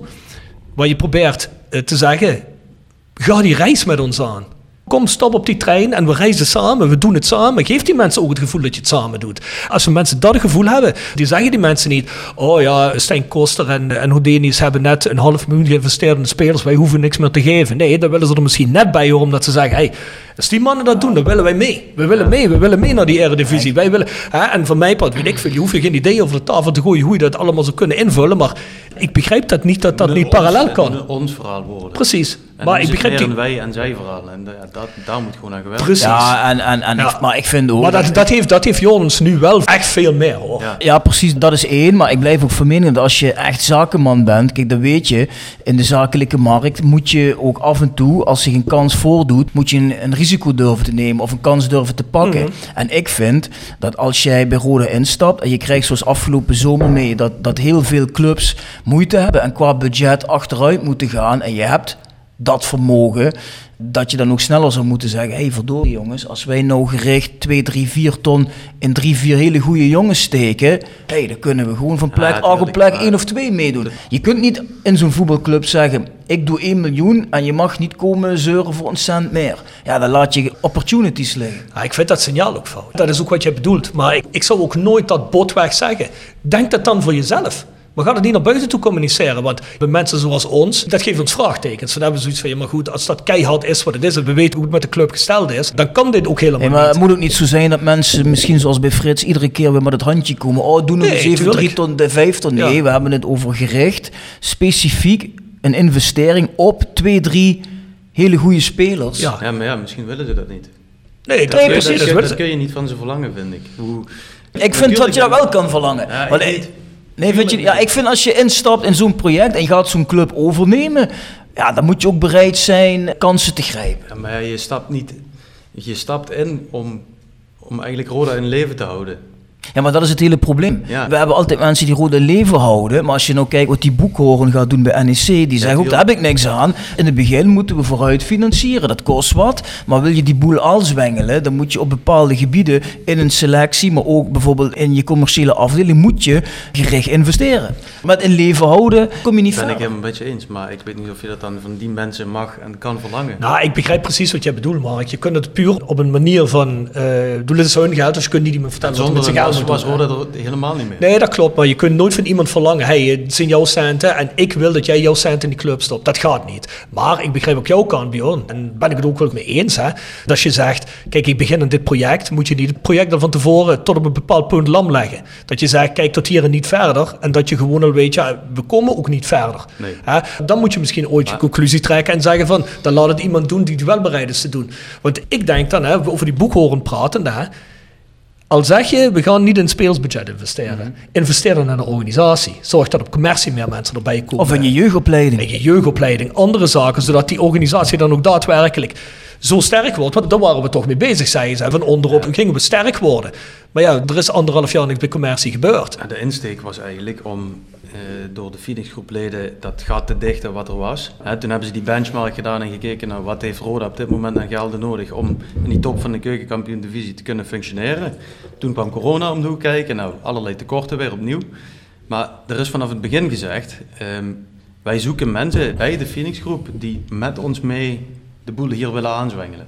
Natuurlijk, je kan 200, je kan 600 miljoen hebben, maar als jij met jezelf en met, je, ja, met weet ik wie afspreekt van dit is wat ik in Roda stop en geen euro meer, ja.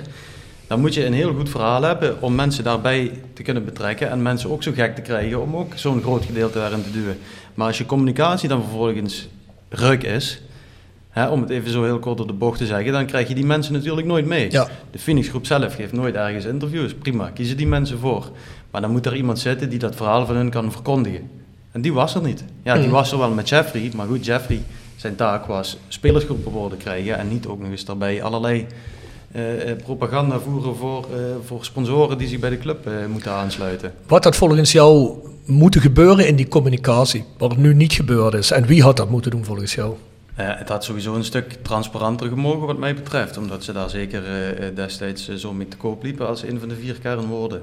En het, het was alles behalve transparant. En als er dan eens een persbericht kwam, dacht ik, ik en heel veel mensen eh, met mij ook op social media, want ja goed, dat lees je uiteraard. Eh, jongens, eh, zien jullie de werkelijkheid nou niet? Of, of in wat voor wereld leven jullie? Maar ja, weet je, daarom heb ik wel vertrouwen in Jordens, een uithangbord die die club verkoopt. En die het gevoel geeft van, hé, hey, weet je, daar wil ik bij horen. Ja, goed, weet je, met alle respect voor Martijn, Martijn, dat bedoel ik echt niet verkeerd, maar hij was niet de persoon die naar buiten toe eventjes het merk Roda ging verkopen. En volgens mij is Jordans Peters dat wel. Dus laten ze daar alles mee beginnen.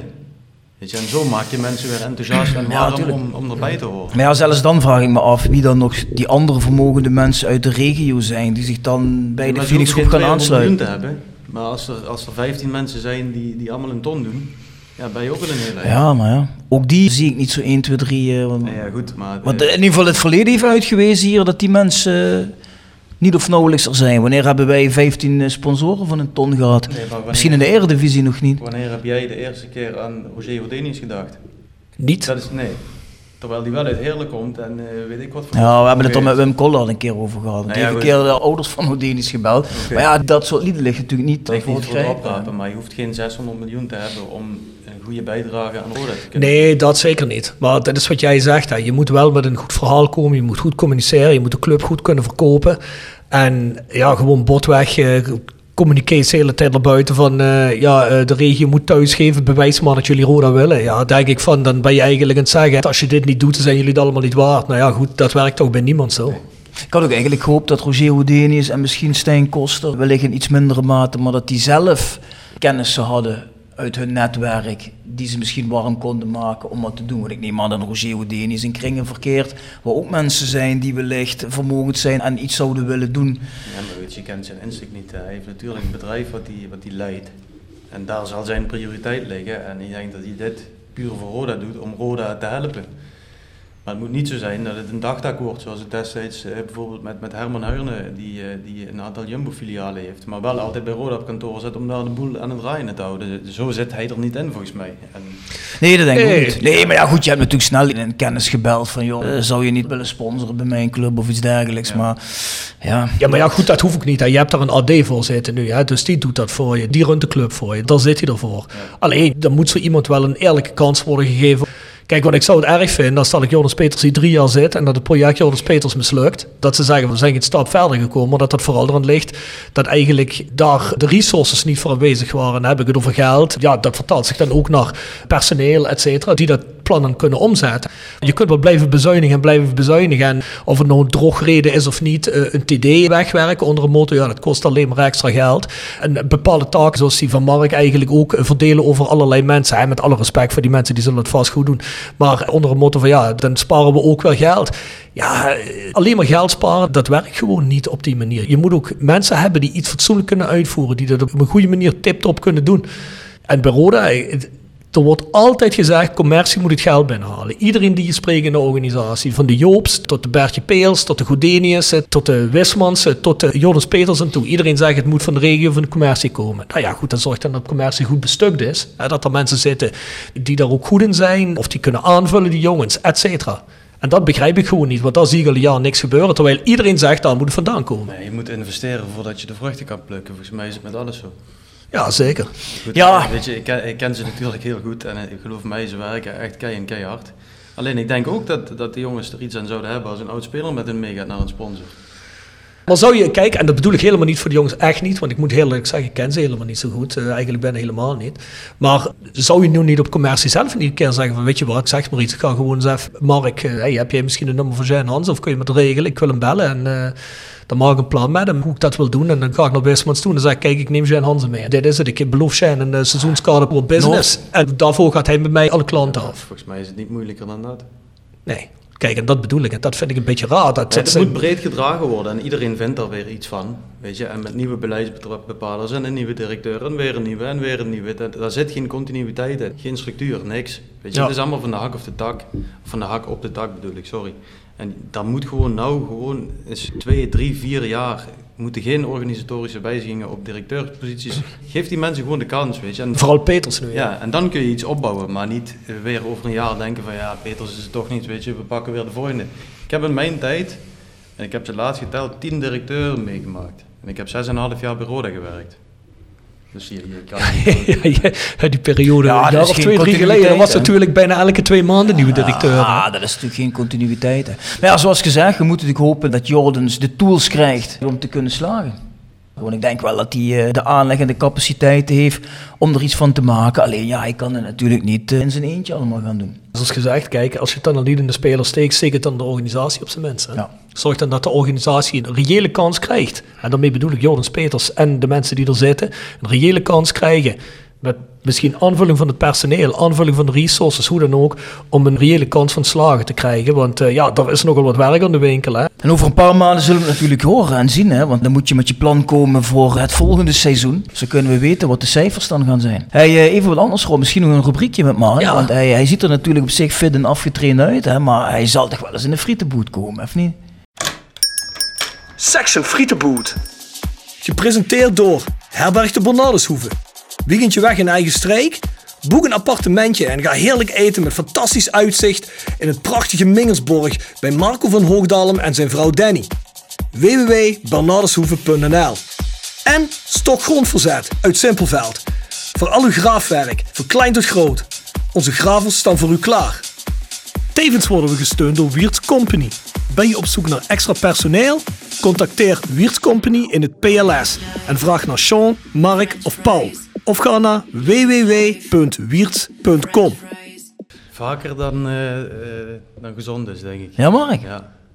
Ja, ik hou, ik hou echt van vettig eten. Ja, ja wie niet? Je bent ook een vettige herder, heb ik gehoord. Nee, dat is niet.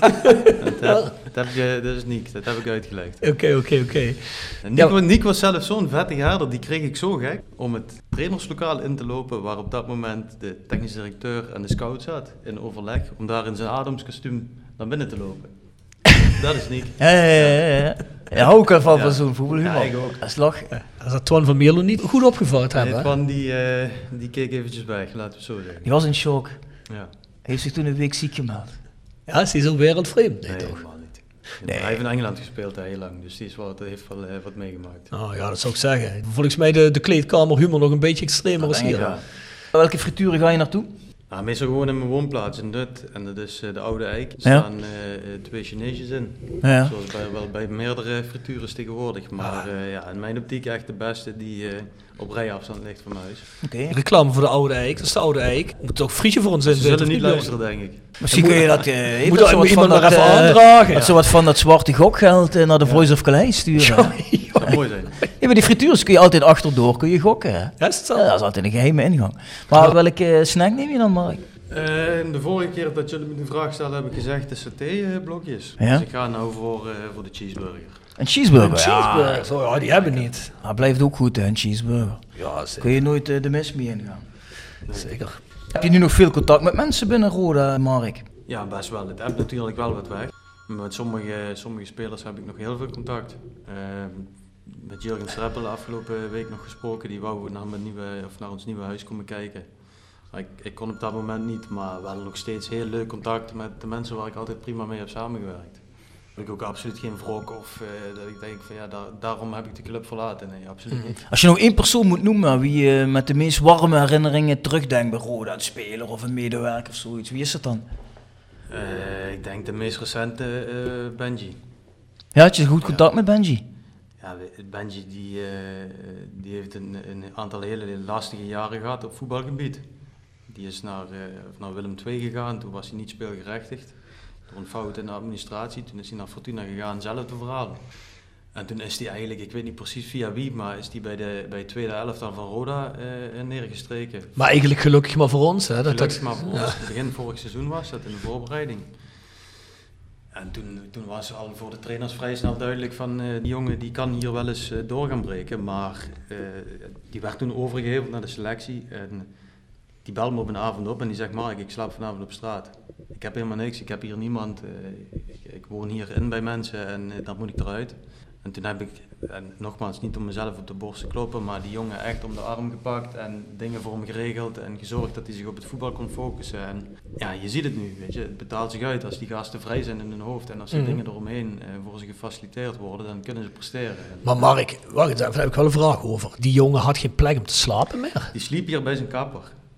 Die sliep bij zijn ja, kapper? Je moet je voorstellen, die had geen contract. Zijn ouders die wonen in België, dus die had mm. nul inkomsten. Hij had niet in zijn auto.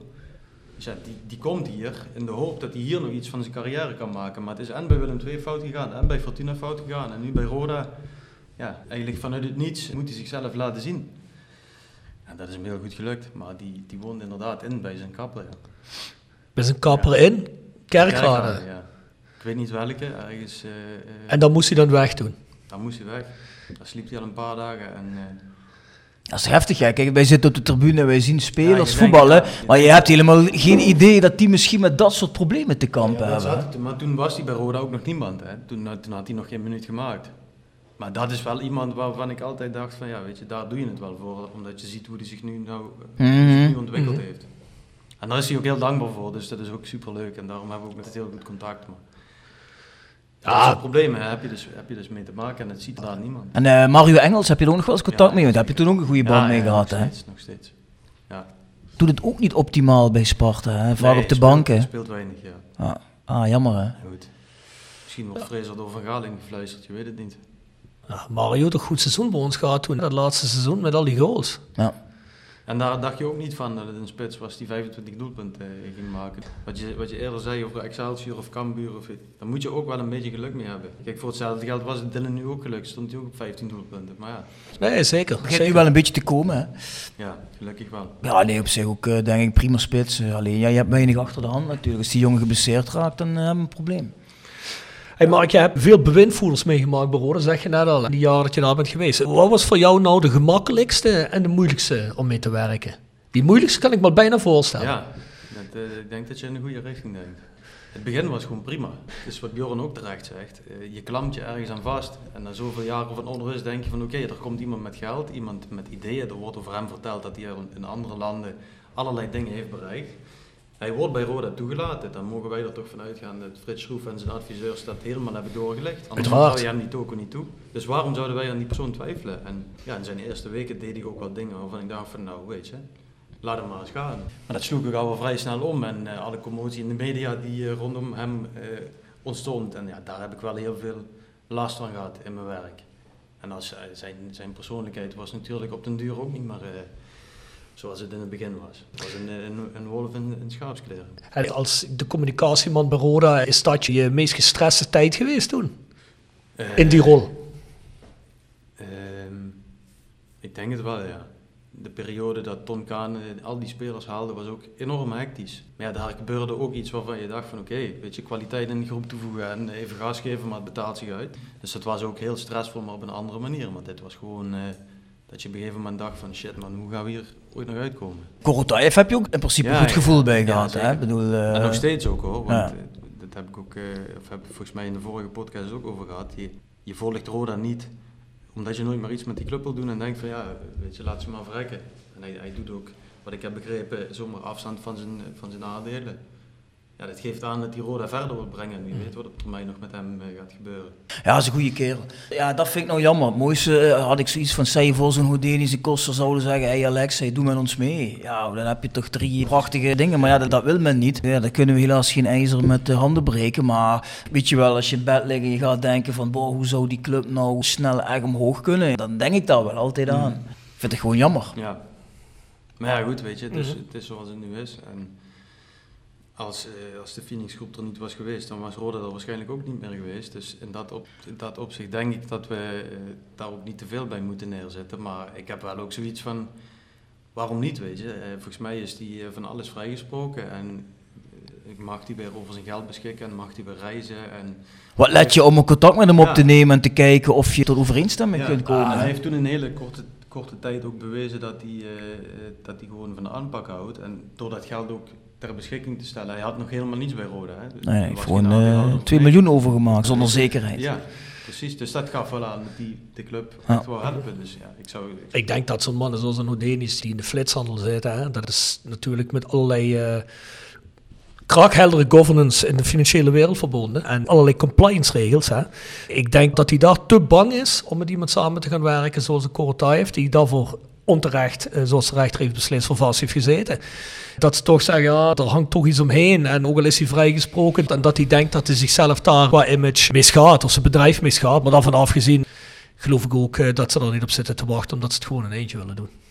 En ik snap ook wel dat hij zo denkt. Ik snap die koudwatervrees wel. Ik denk dat dat ook gevoed is door negatieve verhalen over Korotayev, die dan wellicht achteraf niet bleken te kloppen. Maar ja, ik heb wel zoiets van, weet je, vorm je gewoon zelf een mening. Je kunt toch op zijn minst zeggen van, hé, hey, laten we eens samenkomen en kijken wat jouw ja. ideeën zijn. En dan voel je wel of je een knik hebt.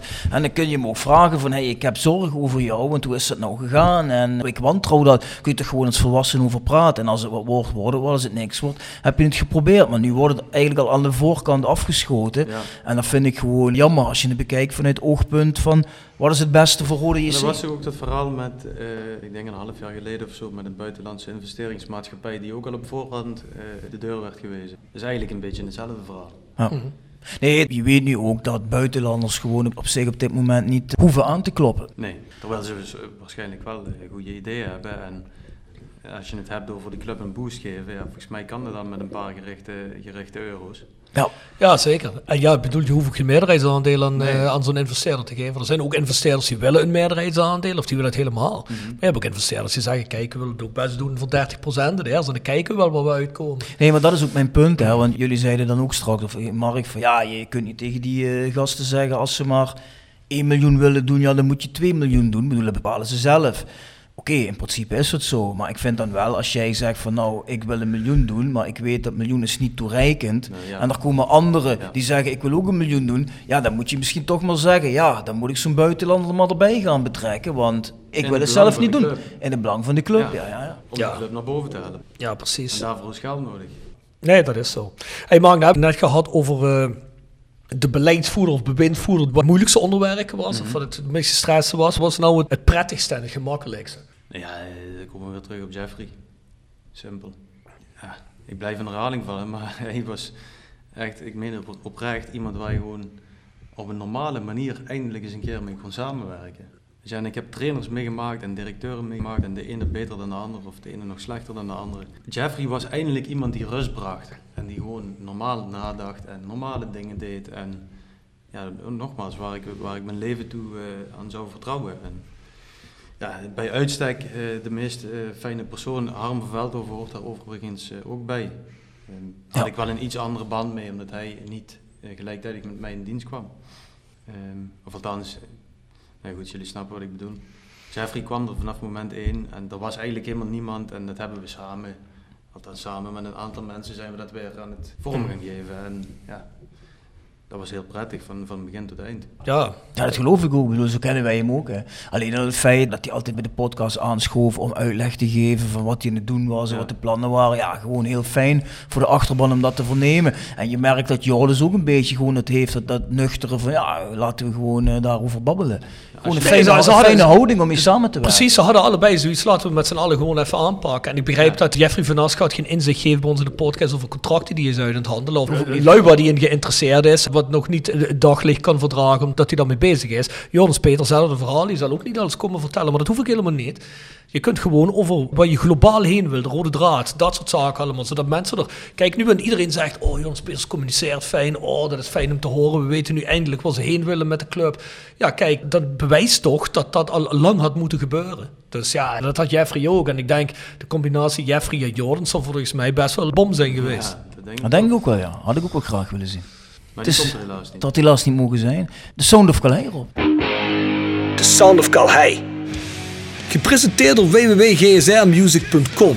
Voor muziek en exclusieve merch van Born From Pain, Madball, Death Before Dishonor, Archangel en nog veel meer. Ga naar www.gsrmusic.com. Tevens worden we gesteund door PC Data Logistics Automation. De partner voor leveren, installeren en onderhouden van geautomatiseerde ordeelverzamelsystemen. Zowel lokaal in kerkraden als globaal over heel de wereld. Ook worden we gesteund door Willeweber Keukens. Wil jij graag kwaliteitskeukendesign dat ook bij jouw beurs past? Ga dan naar Willeweber Keukens in de Boebegraaf 1 te Schinveld. Mark, heb je een song voor onze playlist? Ja, ik vind dat bij een voetbalpodcast toch wel een redelijk stevige plaat hoort. Oh, daar komt hij. Ja, goed, ik weet niet wat jullie ervan Ik vind Brennan Hart, uh, Lose My Mind, vind ik wel eentje die er uh, goed bij past. Brennan Hart? Ja, Lose My Mind. Brandon Hart. Ik vind het echt zo'n plaat die, uh, dat, je, dat je al de hele week naar een derby uitkijkt en dat, dat dan eindelijk die wedstrijddag is aangebroken en dat je dan die plaat pompt en even helemaal wordt opgehyped om uh, naar die wedstrijd te gaan. Ik ken hem niet, jij wel? Nee, ik ken hem ook niet. Wat is het voor iets? Is het, hardstyle is het. Hardstyle, is techno. Nou, goed. Ja, goed, het is.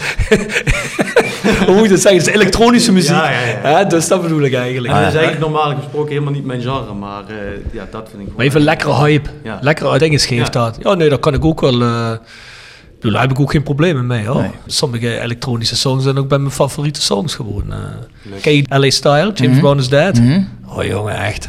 Als dat inzet, dan... eh, is goed, hè? ja, dat is wel... eh, Dat is zo uit die midden jaren negentig. Oh, dat is hard. Ja, dat is lekker, hè? Dat is veel lekkerder als al het eh, knalharde gebeuk. Dat vind ik veel meer. Dat is ook fijn. hey Mark, wat heb je nu eh seizoenskaart of eh, hoe volg je Roda nu nog eh, Ja, op de voet? En, eh, Ja, maar je hebt toch wel zeker een seizoenskaart gekregen, hoop ik, hè? Ja, ja, ja. Oh, ik wou net zeggen. Voor het leven? Nee, Oh, Nee. voor één jaar. één coronaseizoen. Zo, Mark, eh, we geven je een seizoenskaart. En voor elke tien jaar dat je gewerkt hebt, krijg je een seizoenskaart voor één seizoen. Eén wedstrijd. Ja, ja. wedstrijd. Nee, dat is prima, weet je. En gelukkig heb ik, eh, net zoals jullie, ook nog wat ingangen. Dus ik ben eh, naar MVV kunnen gaan. Ik ben eh, wat, wat wedstrijden kunnen gaan bezoeken waar eigenlijk geen publiek bij mocht. Dus daar ben ik heel blij mee. En eh, dat tekent ook de band, denk ik, die ik nog steeds heb met de mensen die daar Ja. nu nog werken. Maar ja, ik hoop wel dat we echt zo snel mogelijk weer eh, met publiek mogen. We hebben het toen heel lang gemist. En ja, toen mocht het weer een tijdje. En dan voelde je weer van, hey, het begint te leven. Maar ja, je hebt eigenlijk geen referentiekader nu. Mhm. Dat je, je wint twee keer op rij.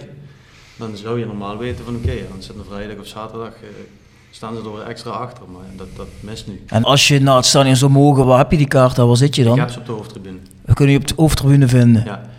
Nou, daar zit ik ook wel. Jij zat er ook laatst een keer, hè? Heel verdacht. zitten toch in de brandbierbox, of niet? Nee, als we live Ja, ja, doen. Ik zit bij wedstrijd in de box van Hesselmeijer. Oké. En Rob die zit overal en nergens. Volgens mij een beetje waar de vriendin van Rudi de Boer zit. Daar zit hij in de dat buurt. zit ik in de buurt, ja. ja. Gaat hij in de Ja, buurt luister, als zij zegt, Is een beetje verliefd buurt- Als zij zegt tegen mij, Rob, je moet beschikbaar zijn. Ja, wie ben ik dan om Ja, nee, nee, tegen te zeggen? Dat is Dus, waar, dat is eh, waar. Daarom, ik moet ik ook heel eerlijk zeggen, daarom is Rodi ook een beetje nerveus een keeper op het moment. Hij pakt Ja? wel een goede bal, hè, laatste pot. Ja, die laatste bal was eh, ik zag het bij overal. een beetje eerherstel. Is ondanks en eh, dankzij hem, die 3-2, hè. Ja. Dus ja, herstelt hij zich wel even voor de hele wedstrijd. Jij en Jordans hebben niet meer samen... Nee, ik heb hem één keer gezien. eh, toen ik toevallig de kaartjes voor MVV ging ophalen op kantoor. Toen was hij op datzelfde kantoor, even kort gesproken.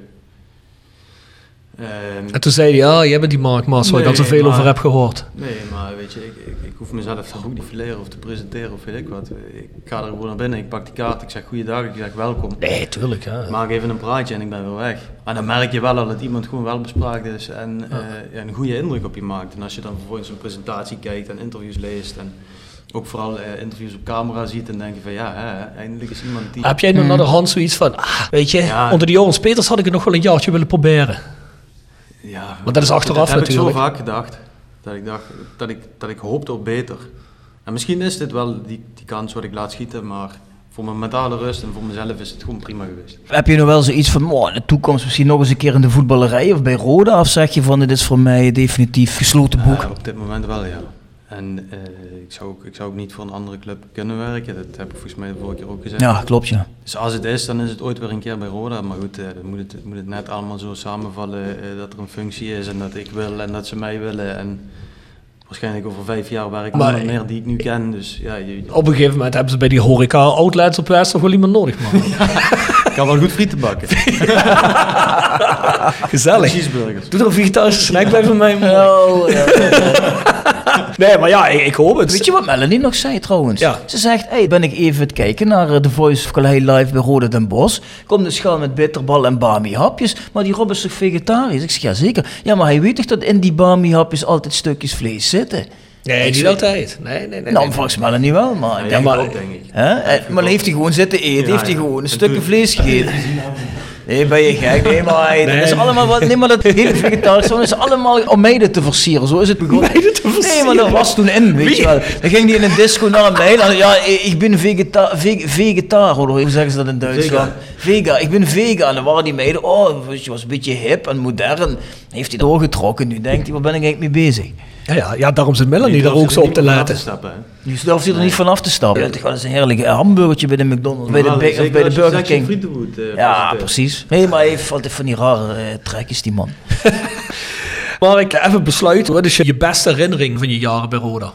Eh, ik denk toch wel de promotie in 2015. En toen was je nog puur communicatieman, ja, hè? Ja, ja. Maar dat was wel, eh, denk ik, de, de, de tijd dat je met z'n allen daar naartoe leefde. Toen had je ook nog een elftal met jongens dat wat zich samenpakte. En ja, Benjamin Verleer, Tom van Hiefte, Rutjes, weet je, die groep. Dat, dat was gewoon, eh, en ook vooral toen het promotiefeest op de markt, dat was kippenvel. Dus ik hoop heel snel dat het weer, eh, weer mag gebeuren. Heb jij het gevoel dat deze groep ook daarheen kan groeien? Dus dat bedoel ik qua met elkaar, bedoel ik, hè? Ja, dat denk ik wel echt. Dus die zijn wel goed genoeg met elkaar persoonlijk. Ja, ik denk het wel. Dus ja, je ziet het vorig jaar halve finale. Ja, oké, NEC was beter, maar misschien als je een dag later had gespeeld, had je hem gewonnen. En dan, toen was het eh eh, NAC tegen, tegen NEC.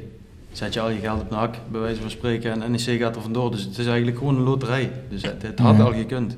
Alleen ik had wel gehoopt dat we nu wat meer zouden kunnen doordrukken en eh, op plek 3-4 stonden in plaats van 7. Toen had je zo'n lui zoals een Arjen Swinkels erin zitten, wat echt heel Ja. erg grote karakterjongens Ja. zijn. En nu zeggen veel mensen, waaronder wij ook, we hebben het gevoel dat er te veel ideale schoonzonen in de selectie zitten. Ja. Zit er volgens jou als, ja, je bent tot voor kort teammanager geweest, dus jij weet het precies wel. Wie van die jongens zou nou iemand zijn die nog niet echt is opgestaan, waarvan je zegt, die jongen heeft het eigenlijk echt in zich? Ik denk eh, in deze groep Guus Joppe. Ja? Ja. En waarom doet hij het niet, denk je? Nou, ik weet niet of hij het niet doet. Ik ben ook niet altijd overal bij geweest natuurlijk. Maar eh, ja, het, is wel iemand die al die eh, facetten heeft. Nou, ik denk als je naar de hele verdediging kijkt, is hij toch de man met verreweg de minste slippertjes of blundertjes. Dus of... dat, heeft is heel stabiel, toch? Iemand die eigenlijk het elftal een nekveld pakt en zegt, kom op jongens, weet je wel, even gas erop. Kijk, Ja, in die ja. lege stadions nou kun je het veel beter horen. Ja, niet dat je iedereen moet horen schreeuwen de hele tijd. Of dat dat zijn manier is. Kan ook zijn dat hij dan een gebaar doet, weet ik niet. Maar ik heb niet echt het gevoel dat er nu iemand bij zit die echt, echt eh, weet je wel, de, eh, Ja, toen over had je- mijn lijken... Toen had je inderdaad zo'n Swinkels, je had die Guy Ramos, hè, je had De Moege, Anko Jansen, Tom van Hiefte. waren toch allemaal ervaren, geslepen gasten wat dat betreft. Hè? Ja, het is inderdaad minder, maar ik denk ook dat de generatie eh, helemaal niet zo meer in elkaar zit. Maar Guusje op wel 32 Nu wel, ja, tuurlijk. Maar bedoel, Bjorn noemt eh, vijf, zes jongens op. Ja. Weet je, nu, eh, nu hebben ten eerste die jongens de leeftijd niet. En ten tweede, ze, ze zijn heel anders in die voetbalwereld opgegroeid. Met een Swinkels bijvoorbeeld, eh, heel anders. Wat ik zo jammer vind is, maar ja goed, dat is gewoon wat het is. Benji is een heel verlegen jongen, super aardige gast, super aardig ventje, super getalenteerd. En je ziet dat hij op het veld, dat hij vecht voor elke bal, komt soms tussen vier man, komt hij als winnaar eruit. Dus, en dat is de allerkleinste van het veld. Dus die jongen heeft wel op het veld, qua spelen, heeft hij dat over mijn lijk. Ik ga erachteraan, ik verover hem terug en weet ik veel wat allemaal. Maar als hij dat nou ook nog een woord had, daar heeft hij volgens mij de persoonlijkheid niet voor. En Nee, dat is je moet jammer. niet vergeten, het is voor hem ook heel veel wat gebeurt in korte tijd. Ja, tuurlijk. Ik ga hem hier niet verdedigen, uiteraard. Nee, maar dat is helemaal geen verwijt, Nee, hè? Natuurlijk, dat, dat zou je mogen verwachten. Maar goed, kijk eens, kijk eens waar die jongen een jaar geleden stond bijvoorbeeld. Nee, maar ik, dat is het net. Ik verwacht het niet van hem. Maar het zou mooi zijn als hij het zou hebben. Want hij heeft het in zijn spel ook. Begrijp je wat ik bedoel? Maar ja, dan moet hij Ja. nog in groeien natuurlijk. Hè? Dat denk ik ook. Ik denk Ja. dat het een kwestie is van meer ervaring en dan, dan ga je dat soort dingen vanzelf doen. Ja, je zit toch wel met een paar oudere gasten in het team. En ik denk dat hij wel heel erg respectvol is naar volgens mij eh, de, meer senior gasten in Ja. het team. Hè. Hij is denk ik opgevoed van je moet respect hebben op die manier. Dus eh, Ja, toen wij bijvoorbeeld vroeger bij TSV doorbraken, ja, toen was jij een van de ouderen, maar toen hadden we dat helemaal niet. Jij, jij was, hij, jij was een beetje de Timothy Durwaal. Hij, hij Hij, had- hij had toen van die blonde plukjes, weet je wel, dat je dacht, wat is dat? ik liet jullie een beetje doorgaan met al die onzin. Want ja, De- toen waren wij 17, 18 en jij was toen 2, 33. En Ze zei- Toen zeiden we tegen jou, hey, eh, haal je even de ballen en dat soort dingen. Weet je wel, deed hij dat ook? Ja, Ja? ja, dat was zijn plaats. Je moet je weten wat je plaats is. hè. Is hiërarchie, dat gaat op basis van kwaliteit. Nee, nee, ja. Ik zeg alleen maar, kijk gewoon even RTV Park staat met de Ja, maar je, vergeet, je moet je ook bij zeggen wat voor schoenen ik aan had. Hè? Dat zeg je Ja, die bordeelslepertjes Ja, die je. bordeelslepertjes, maar ja, dat, verschieten. en die bordeelslepertjes leveren je beste prestaties, jongen. Dus, Ja, maar niet op het voetbalveld. Ja, dat weet ik niet. Hey, we hebben nog een rubriekje. Laatste rubriek van de sessie. Kogels terugkoppen. Gepresenteerd door Van Ooyen Glashandel. Sinds 1937 vervangen en repareren wij al uw glas met veel passie en toewijding. Met 24 uur service. www.vanooyen.com En Quick Consulting. Laat finance waarde toevoegen aan je organisatie. We komen graag met je in gesprek om aan de hand van concrete voorbeelden duidelijk te maken hoe we dit ook binnen jouw onderneming kunnen realiseren. Think win-win, think quick. www.quickconsulting.nl Tevens gesteund door Roda Arctic Front. Ja, kogels terugkopen, maar ik weet niet of je alles gehoord hebt. Ja, dik nog een jaar. Ja, en weet je ook wat de rubriek inhoudt? Nee, sorry. Nou, dat is niet erg. Is er iets in je leven of in je carrière waarvan je zegt, ah, daar heb ik een kans gehad, die had ik eigenlijk ook willen pakken, maar heb ik niet gedaan? Of eh, dat je denkt van, oeh, dat, dat had ik misschien wel graag willen terugdraaien. Eh, goh, dat is een goede vraag, jongens. Als ik, als ik puur naar mezelf kijk, had ik dit besluit, wat ik nu genomen heb, eerder moeten nemen. Ja? Ja. Dat ik er eerder mee, eh, of dat- ik eerder een grens had moeten aangeven, bijvoorbeeld. En wanneer was het Puur op punt? Roda-gebied dan, hè. Wanneer had je de eerste keer dat ik deed dit, moet ik eigenlijk nu gaan doen? Dat is denk ik al tijdens de vorige transferperiode geweest. Dus niet afgelopen, maar vorige zomer al. Eigenlijk al ruim een jaar. Maar dat, dat hebt dan weer weg en dan komt het weer terug als het drukker wordt. En dat, Ja, ja. ja dat is toch een proces. hè. Dat is een heel proces wat je in de, in de eh, zomerstop. Want dan moet je en alle wedstrijden regelen en alle contracten voor wedstrijden. En er komen nieuwe spelers en jongens gaan. En, terwijl iedereen vakantie heeft. Hè. Dus je bent dan eigenlijk een van de weinigen die volle bak eh, aan het werk is. En toen heb ik wel tegen mezelf gezegd van ja, dit is de laatste transferperiode die ik doe. En toen kwam de transferperiode van afgelopen ze- zomer weer eh, om de hoek kijken. Dus was het eind april, begin mei. En toen dacht ik van ja, dit kan ik eigenlijk niet maken nu. Weet je, dan stap ik er nu uit en dan, eh, eh, dan laat ik zo'n gat achter me met werkzaamheden die dan ad hoc door mensen gedaan moeten worden. Dus toen had ik wel het gevoel van dit is, dit is echt de laatste, maar ik maak hem wel af in het, Roda. Maar als ik naar mezelf had geluisterd, had ik het eerder gedaan. Ik heb er ook heel veel dingen voor moeten laten. Het beste voorbeeld was denk ik dat ik samen met mijn vriendin en de kleine van mijn zus gingen op zondagmiddag naar een pannenkoekenrestaurant. En iedereen had vrij. En we zaten daar om vijf uur en we hebben daar, we hebben daar van vijf tot zeven gezeten. En ik heb twee uur lang op die telefoon gewerkt, dingen gedaan. Toen kwamen we thuis zei ik tegen mijn vriendin, ik zei, wat, wat heb ik nou eigenlijk gedaan? Waar slaat het nou eigenlijk op? Waar ben ik mee bezig? Dat was voor mij een van de druppels. Toen ging Jeffrey nog eruit. was ik heel geïrriteerd over. Ja, dan word je iedere avond lastiggevallen tussen aanhalingstekens met allerlei dingen, eh, met persberichten die eruit moeten waar ik niet achter sta. En dan ga je in een, in een visueuze eh, cirkel van ergernis. Mm. En daar wou ik niet in komen. Maar doordat ik erin bleef, hè, en doordat ik het werk bleef doen, kwam ik daar uiteindelijk Mhm. wel in. Toen was het ook zoiets van, nu is het helemaal klaar. Nu stop ik er ook echt mee. Misschien een gewetensvraag. Stel je voor Jeffrey was gebleven. Was het dan moeilijker voor je geweest om te zeggen Ja, ik stop? Absoluut. Was je misschien nog wel doorgegaan? Ja, misschien wel tegen beter weten in. Mhm. En eh, dan had ik mijn eigen gevoel misschien wat meer aan de kant, eh, eh, of wat, wat meer weggecijferd. Jeffrey liet ook altijd heel erg merken van, ik heb jou nodig om dit succesvol te maken. Mhm. Dus ja, dan voel je je natuurlijk Ja, ja. en ja, dan, dan zit je dan met een heel ander gevoel. Ben je Maar- loyaal natuurlijk. Ja, maar dat valt weg. Nou ja, ik zit, ik zit op kantoor tegenover Twan van Mierlo. Daar wordt in een persbericht geroepen, Twan, het wordt een groot onderdeel van het technisch hart. En Twan kijkt mij aan en zegt van ja, ze hebben daar nog nooit met mij over gesproken. Ja, weet je, dan denk ik, waar, waar- waarom zit ik hier? Doe ik het voor mezelf? Nee, doe ik het voor Roda? Ja. Maar goed, wie is Roda? Als Roda ieder jaar weer door iemand anders wordt geleid? Of... Ja, duidelijk. Eerlijk verhaal van Mark, hè? goed dat hij een aantal dingen heeft verduidelijkt en toegelicht, denk ik. Ja, zeker. En nogmaals, hè, er zijn natuurlijk gedeeltes van het interview gegaan over de situatie intern. Ook mede omdat wij toch ook wel eens willen laten zien aan de mensen daarbuiten dat de betrouwbare bronnen niet gelogen waren. Maar ook omdat Mark ook zelf zijn verhaal wilde doen. En helemaal niet om het proces te verstoren wat er nu is met Joris niet. Peters. Dat is echt hè. niet de intentie, maar... Nee, maar dat willen we ook benadrukken hier. Nee, precies. Nee, precies. Dus daarom zeg ik het ook. Niemand van ons drieën, maar we vinden wel dat de waarheid ook wel eens bevestigd mag worden Tuurlijk. dan op die manier. Tuurlijk. Dat er wel dingen zijn die nog verbeterd kunnen worden. En hopelijk ja, dat Jorens Peters daar niet het slachtoffer van wordt. Hè, want dat zou ook zomaar kunnen. Hè, dat Jorens zijn werk kan doen, dat Jorens ideeën kan omzetten, dat Jorens er hopelijk resources voor krijgt. Dit moest er gewoon over gezegd worden. En we zijn blij dat Mark hier is geweest en dat gedaan heeft. Zeker weten. Dankjewel voor de uitnodiging, jongens. Heel Ja, bedankt Mark voor je eerlijke verhaal en fijne feestdagen. Hetzelfde. Ja, we zullen elkaar nog wel spreken. Ik hoop het. Zeker We weten. moeten, we moeten we Rob dan zien te vinden. eigenlijk. Nee, laat die in godsnaam weg. Kun je Ja, toch ja, niet- je- kun je toch niet meer gezien worden op Noord met Ja. zo'n man? Da- daarom neemt je me wel eens mee.